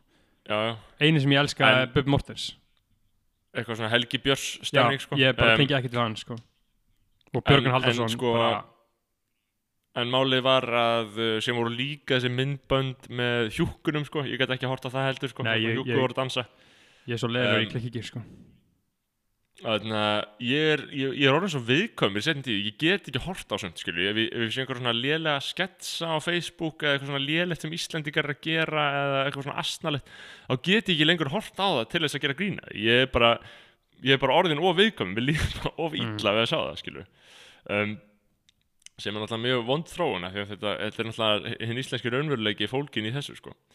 Um, já, já, já, já, já, já Ég Einmitt. veit þetta annað í fucking fréttum maður Hvað var að tala um? uh, Ef við tölum erfitt, það, sko- þá við tölum alltaf ekki fréttir að maður reynir að halda svona góðum þræði í þettinum en þess að við erum frekar mikið hopp úr einu í annað hvað voru að tala um Er áðan? það ekki eðlimál samkvæmt? Hvað vil, hvað vil fólk að þetta sé einhver, að essaya, hljóð essaya það sem við erum búin að skipa ekki þáttinn, skilur Ég held að fólk, sko, abaheilar sem eru að hlusta á þetta þeir heyra bara einhver orð, sko Þetta heyra bara Mm. þeir er enginn að hu- hugsa voru þeir að tala um eitthvað annað, voru þeir að tala um hitt Er það eitthvað? Ég held að Nei, öllum sé alveg sama við fyrir úr ein vöðum í einu annað, sko Einmitt, ég, ég vona Em. bara að ég er með nokkur podcast sem ég hlusta á með öðru skilu, þegar ég er annars huga og mjög mikið svona bíómynda podcast, við tölum við einhver leikara og eitthvað hannig, ég er bara með Já. það í gangi á meðan ég er að vinna og ég hlusta kannski á 30% að því skilu hvað ég meina og mér finnst það Mhm. mjög næs að komast í eitthvað svona kistu af einhverju, það sem er bara ókyslega mikið að því, já bara hei viðtal við Gwyneth Paltrow. Besta tjekka á því, Já. skilur eitthvað sem ég hlusta á algjörlega með öðru eða minn sko, það, það er þetta frekar áhugavert sko. að þú veist að Gwyneth Paltrow var algjör A-lister. Bara Hollywood fucking darling sko. hún leki bara late 90s Shakespeare in Love. Hún fekk Oscarinn. Ég man ekki hvort það hafi verið fyrir Shakespeare in Love eða ekki en bara late 90s þá fekk hún Oscarinn og síðan leik hún í uh, sko, Talented Mr. Ripley sem er bara besta mynd sem að hefur síðan Geðveik Já. mynd og sko það sem að segja svo mikið um að Talented Mr. Ripley hafi verið gerð late 90s Hollywood, hvað það var góð tími hvað það ekki að ofurhætja viðbjóðslega úrkynja helvítis rusli sem er í gangi í dag paldi, þetta er mynd um samkynhneigðan uh, svikarrapp í Evrópu, Ítalíu sem að gerist árið 1950 og hún var framleitt fyrir 40 miljonir dollara og grætti 170 eða eitthvað. Bara Já. fucking brjálag success. Og algjörlega fordæmarlaust sko. Út af því veist, það bjóst ekki við því að þetta myndi gera sko. Og Matt Damon er í henni maður. Fucking kongur sem við vorum að tala um á hann Þetta er líka episk mynd, sko, ég fekk svo massíft kvíðakast eftir að hafa hort á hana, sko já, bara besta mynd í heiminum sko. en mér finnst það svo, segja svo mikið að þú veist hvað það var fjall, framleitt og þetta gekk vel svona mynd er ekki framleitt í já, dag já, sko. bara áhættan tekin, já, bara þessi áhætta var tekin og þarna var Gwyneth Paltrow að píka sko, hún var bara algjörð darling sko, en síðan er þetta svo mikið eftir og vinnur Oscarinn þá náttúrulega bara hæsta sem hún getur grætt, að, að, hæstu verðlun sem hún getur fengið þá fara svo margir einmitt í annarkvort rebella sko, fara að gera Já. bara eitthvað algjör að bull indie lélega bíómynd. Eða þeir fara í bara einhverja marvelmynd og græða fokk mikið pening. Hún einhvern veginn fór einhvern milliveg og síðan byrja á með þetta gúp. Helviti, þau eru ekki séð það? Nei, hva- hvað? Goop, sem sagt uh, svona lífstíls uh, content serið kom serið á Netflix um þetta. Já, einmitt, einmitt, jú uh, það var fekka væral fyrir svona tvei mánuðum eða eitthvað. Kom Netflix serið um Goop eða Gloop, hvort þetta, ég manna ekki Og hún er alveg sunin núna. Já og hún stendur fyrir því. Og síðan hún líka sko var alltaf eins og gerist oft með konur, hún var að deyta kallmenn, skilur, sem að tóka aðtekla hún var að deyta Brad Pitt 90s, síðan deyta hún minn mann Ben Affleck.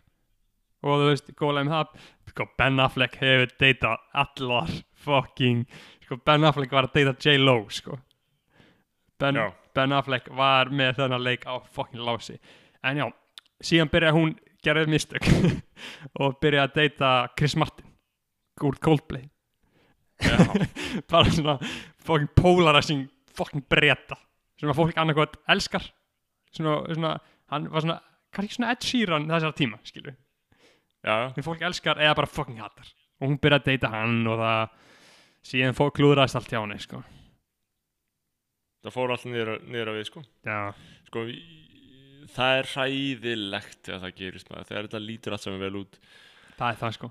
Reynur en það svona er svo ógeðslega fallegt við að vera leikari. Leikarar eru ofta píka 35 til 50 ára skilur. það er eins og ógeðslega Já. fallegt að þú veist það er alltaf séns. Það er alltaf séns fyrir leikara að meika mjög margir sem bara meika ekki neitt fyrir en eru 33 skilur. Eins og bara Will, Já, Will Arnett bara að sem að leikur 22 hann eins og fyrsta var bara Job í Arrested Development, fekk það bara 33 ára og fyrir það bara búin að vera Já. 15 ára bara í einhverju umurlegu harki en um leðu kemur fætunum inn um leðu sannaði einhvern veginn þá getur haldið svo fokkin vel áfram sko. öðruvísi í flest öllum öðrum listgreinum sko.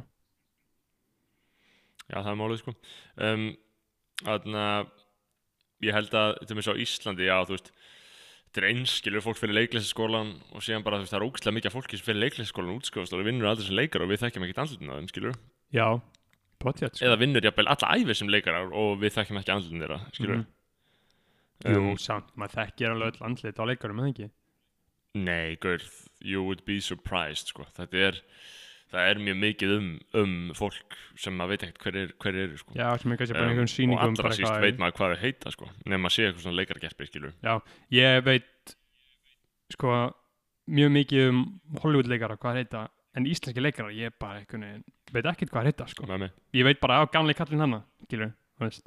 Já, King, alveg meistari en ég veit ekkert hvað hann heitir. Þannig að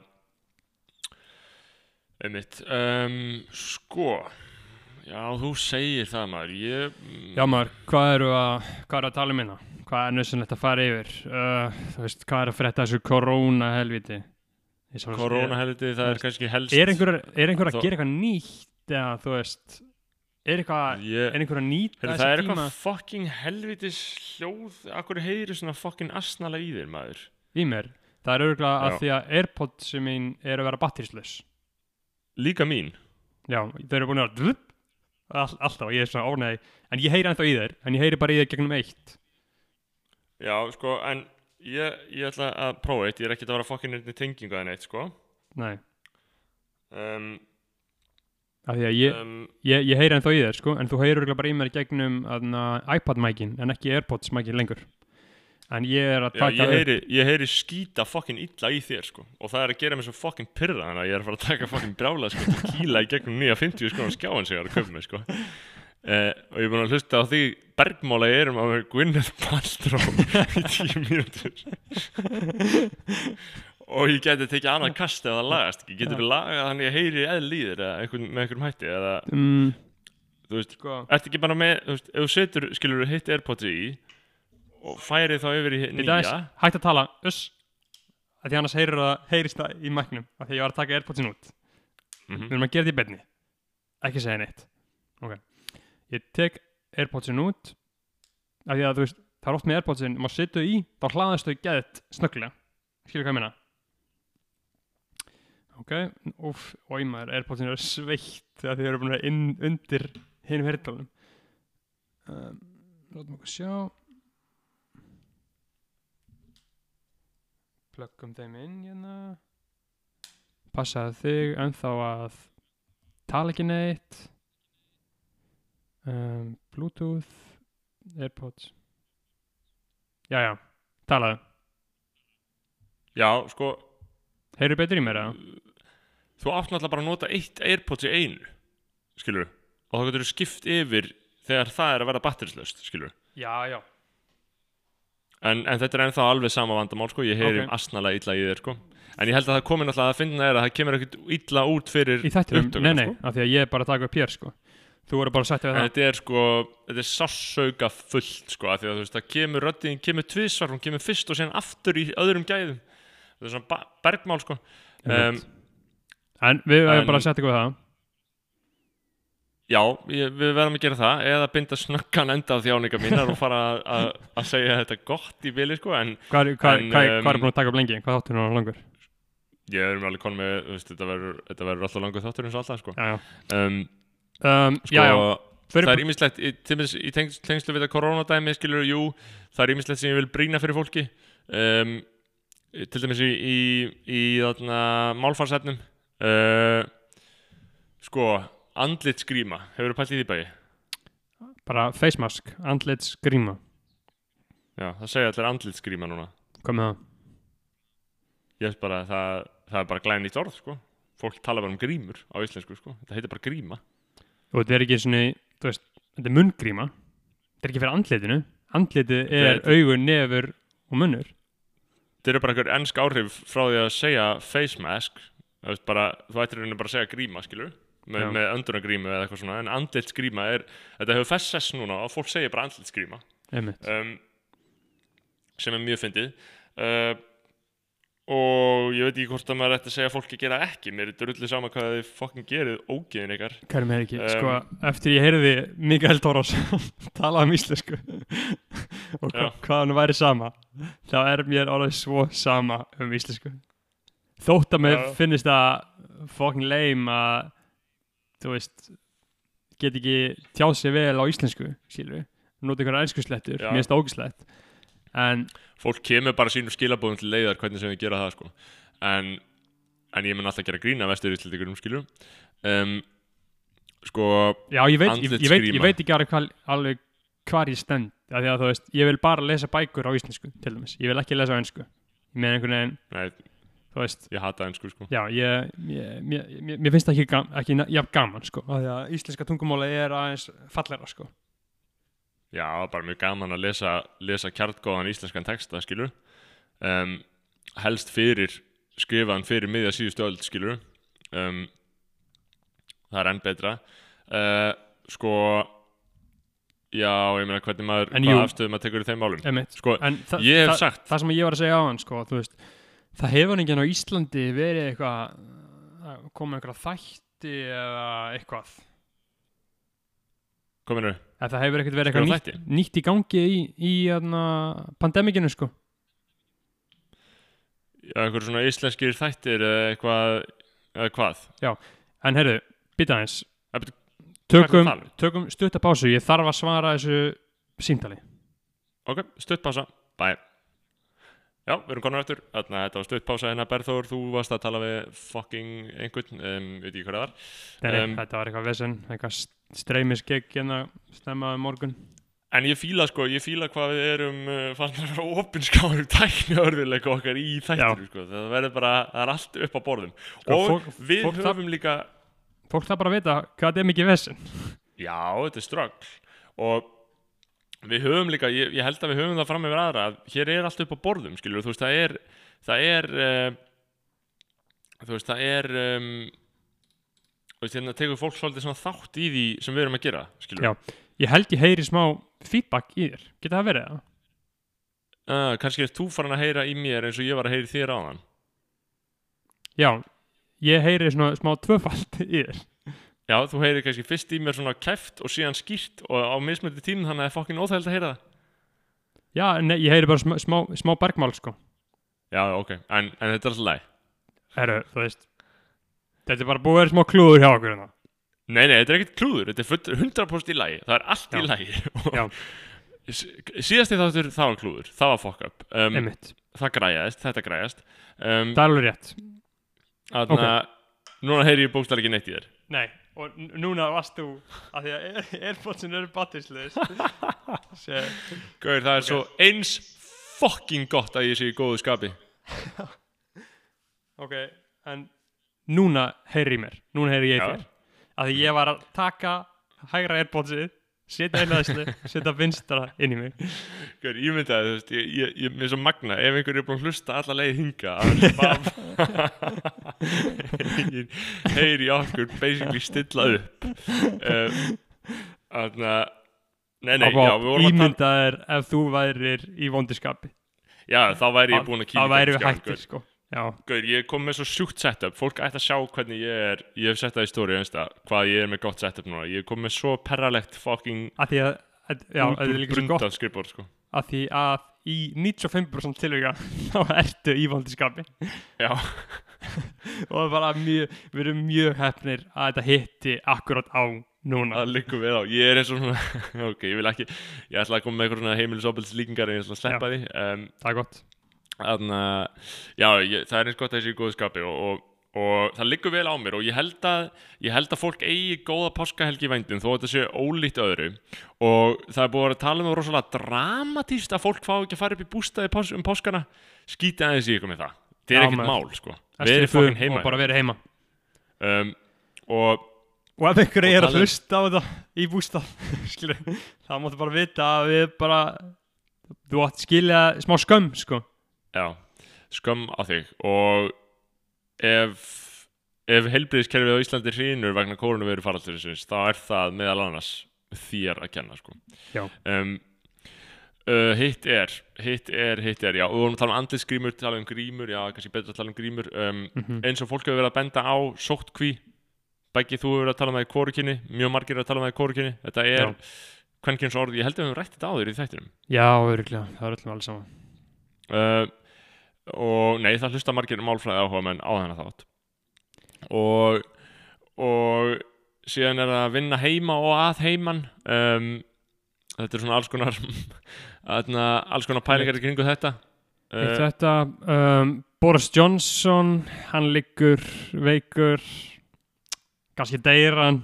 Það væri rosalegt hverjum er ekki meira sama um Boris Johnson en góða málfræði um, ég held að sé svona jamt cirka það síðan 50-50. þú veist bara áhugavert að fylgjast með svona hvernig alheimurinn er að uh, díla við þetta og taka á móti þessu. Svo, Já, ég held að þessi er eftir að hafa varanlega áhrif á samfélagi bandaríkinum sko ég, ég var að hlusta á aðna, Citations Needed uh, Bill Gates þáttin þáttum um 45 ég mæli mjög mikið með honum. Það er fokkin snilt Já, ég, ég þól ekki þegar allir að láta eins og Bill Gates sé Já, sko, ok, fínt aðal punkturinn í þessu er þetta er fínt að hann sé að gefa hana pening en þú veist, það er bara sjúkt in the first place að hann eigi hana pening. Já, það er kannski punkturinn. Og síðan reka allir þessi miljardar mæningar þessi góðgerða fyrirtæki. Þeir stopna allir alltaf sitt eigið til þess að þurfa ekki að borga skatt peningaþáttur, skilur skilur til þess að halda þessu gangandi. Og síðan er þetta alltaf þetta vesen að það þarf að reka þetta fyrirtæki. Og þannig að þú veist peningur sem kemur inn kannski 70% af peningnum fer í rekstur fyrirtækisins. Já, í staðin fyrir að bara keira alltaf bara í jörðina. Að það er einhver svona stefna að þetta þurfa að halda áfram og áfram og áfram. Þá þarf að reka, þetta þarf að borga til laun. Þetta er svona voða ég er engin sérfræðingur í þessu þannig ég vil ekki Nei, alveg nei, bara ég er ekki sérfræðingur sem heldur en ég aðalega bara brýna fyrir fólki að allar fréttir fjölmila uh, um hinn góða milljarðamæring góðgerðamálin að hann sé að gefa 99% af peningunum sinn að hann ætla að gefa að hann ætla að setja mörg hundur miljónur í að þróa bóluefni að því bara.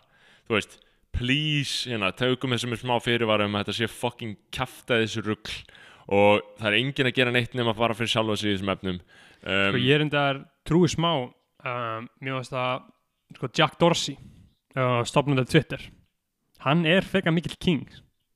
Já, Hann er bara eitthvað í já, já. Afríku. En gaur, ég on bara, Já, en- let's en- be real. Já, auðvitað, en hann samt gaf 30% af auð sínum. Ég veit ekki hvað eru margir miljardar Hann gaf 30% sem er freka mikið. Það er eins og eigir í koronafund relief, Já. Í að Já, já. laga þetta á meðan að uh, tveir ógeðslegustu menn veraldar, bara nútíma djöflar í mannsmynd Zuckerberg og Jeff Bezos eru búin að gefa 0,5% af auð Jeff sínum. Bezos er svo fucking mikið ógeð Já, hann er ógeð alveg sem sko Þarna, nei, nei, ég, það er, það er, það er þarna, þú veist, maður veit náttúrulega ekki í raun og veru hvað fer fram, fram, á baku tjöldina en, en útgangspunkturum verður að vera, hei, þetta er ekki góði menn. Um, Já, já, ég samanlega því Sammála því. Það er allt saman Um, það En ef við ekki bara fara að segja þetta gott Búin að vera góð þáttur fyrir auðvitað smá Jú. svona vesenina í Ég er lokin fucking svangur maður, oh, ég er Um, svangur hvað ég fann að borða. Jú, maður, ég, Hafragraut, ég ætla að fá mér brauð, flappköku með hummus, skyr. tómatum, gúrku og segja fá mér Special K og möndlu og havramjólk maður Fucking mér langar að fá með Special K maður, já, Special K sko. er epist um, Ég þarf að kaupa með það einhver staðar. Special um, K með möndlumjólk út í og smá prótíni líka og döðlum mér er farið að finna, finnast mjölk það ekki það góð sko. Mér finnst það er eiginlega ógeð, sko. möndlumjólk er langt best sko kókusnötu mjólk, þú fara möndlumjólk. leið á henni uh, havramjólk, það er bara ómikill rjómi. Mm. og þarna, möndlumjólk er bara langt best Það var eitthvað hann að eitthvað og svo er bara fucking frí maður djöður að næs Gauð, ég fucking nenn ekki að lifa sko. ég er búin að, ég nenn ekki að gera neitt sem ég er að gera, sko. ég nenn ekki neinu. Þetta, þetta er að draga allt úr mér þetta ógeðslega fár maður, það er ekki hægt að gera neitt skemmtilegt, maður getur ekki farið að hitta neitt Ég held að þetta sé bara nú uh, hugar ástand ótengt alveg ástandi sko. Nei, gauður, ég var Ó, ég var svo, þetta leið svo vel út maður. Berlín, það er komin 20, grá, komin 20 gráður þar. Ég væri svona mm. klára reitgerina, byrja í skólanum Ferskur á því, allt að gerast í lífinu. Uh, En nei, ég er á Já, Íslandi. Því er ekki spá í því. Ég meina ég er sem uh, bókari gigga að tapa stjárnfræðilegum pening akkurat í vor sísonu og allir tónlistamenn landsins sem, jú, jú, maður getur nú ekkert vera kvarta og kveina og tónlistamenninu náttúrulega. Við erum eftir að tala um af hverju engin uh, íslensku tónlistamæður er pólitískur. Er að segja eitthvað. Berjast fyrir félagslegu réttlæti. Það er enginn að því. Mér finnst vanta mikið upp á það Auðvitað vantar upp á það, þau eru hluta kerfinu kallið minn. Þau eru hluta kerfinu. Þau eru með Katrínu Jakobsdóttur og ríkistjórnir liði Þau eru fólki sem á peningana. Þau eru fólki Nei, sem nei. á fjölmjöluna þú þú ert að miskilja íslenski tónlistamæður þeir bara, allir eru bara ekkert að hugsa um þetta. Þau eru ekkert með einhverju kerfi. En, Þau- en þú verður þau- hæ, þau- ertu þau- heimskur, þau bara það hugsa er að vera kerfið, að hugsa ekki um þetta. Það er að vera kerfið, skilur. Ég veit ekki sko ég hugsa meira, ég hugsa kerfið. meira um segir- Ef þú kerfið gaggrinir gaggrinir það ekki, þá ertu að staðfesta það, já, ég hugsa meira eitthvað sem kerfi eitthvað svona Lói Bergman skilur eitthvað svona aðeins svona vel tengdur inn establishment svona Hitt er alveg það sama. Gísli Marteinn og Lói Bergman eru sami maðurinn, sko. Þú voru aðtjóða það. Þú var Gísli sér já. rúfmegin. Gísli Marteinn er upplýsinga fulltrú ríkistjórnarinn, sko. Þessi þáttur hans er áróður. Endum við á þessu. Þannig að töl- tölum við um þetta næst. Uh, það er bræðalags þáttur næsta þriðudag Já, ættum við ekki að móki einhvern ágættan þátt bara og taka hann upp á, á þú veist, sunnudaginn eða eitthvað. Ég er þetta að vinna mánudaginn. bara uh, reynum að gera mánudaginn bara Já, En- við skoðum þetta mánudaginn. það eru frábært. Sjáumst á Þarna- þriðudaginn, kemur annarkværu, aðra hverju viku og við höldum Og áfram að að ég móka og á- gefa okkur pening í 661 4648 Við þurfum að kaupa Við getum líka lagt inn. Við þurfum lögfræðastöð. Við Þurfum að kaupa hljóðkort, við þurfum lögfræðastóð, við þurfum að, að, að hugsanlega, hugsanlega einhvern tímann að fá tæknimann. Um, en við sjáum til. Þannig að skítið ykkur og uh, verið heima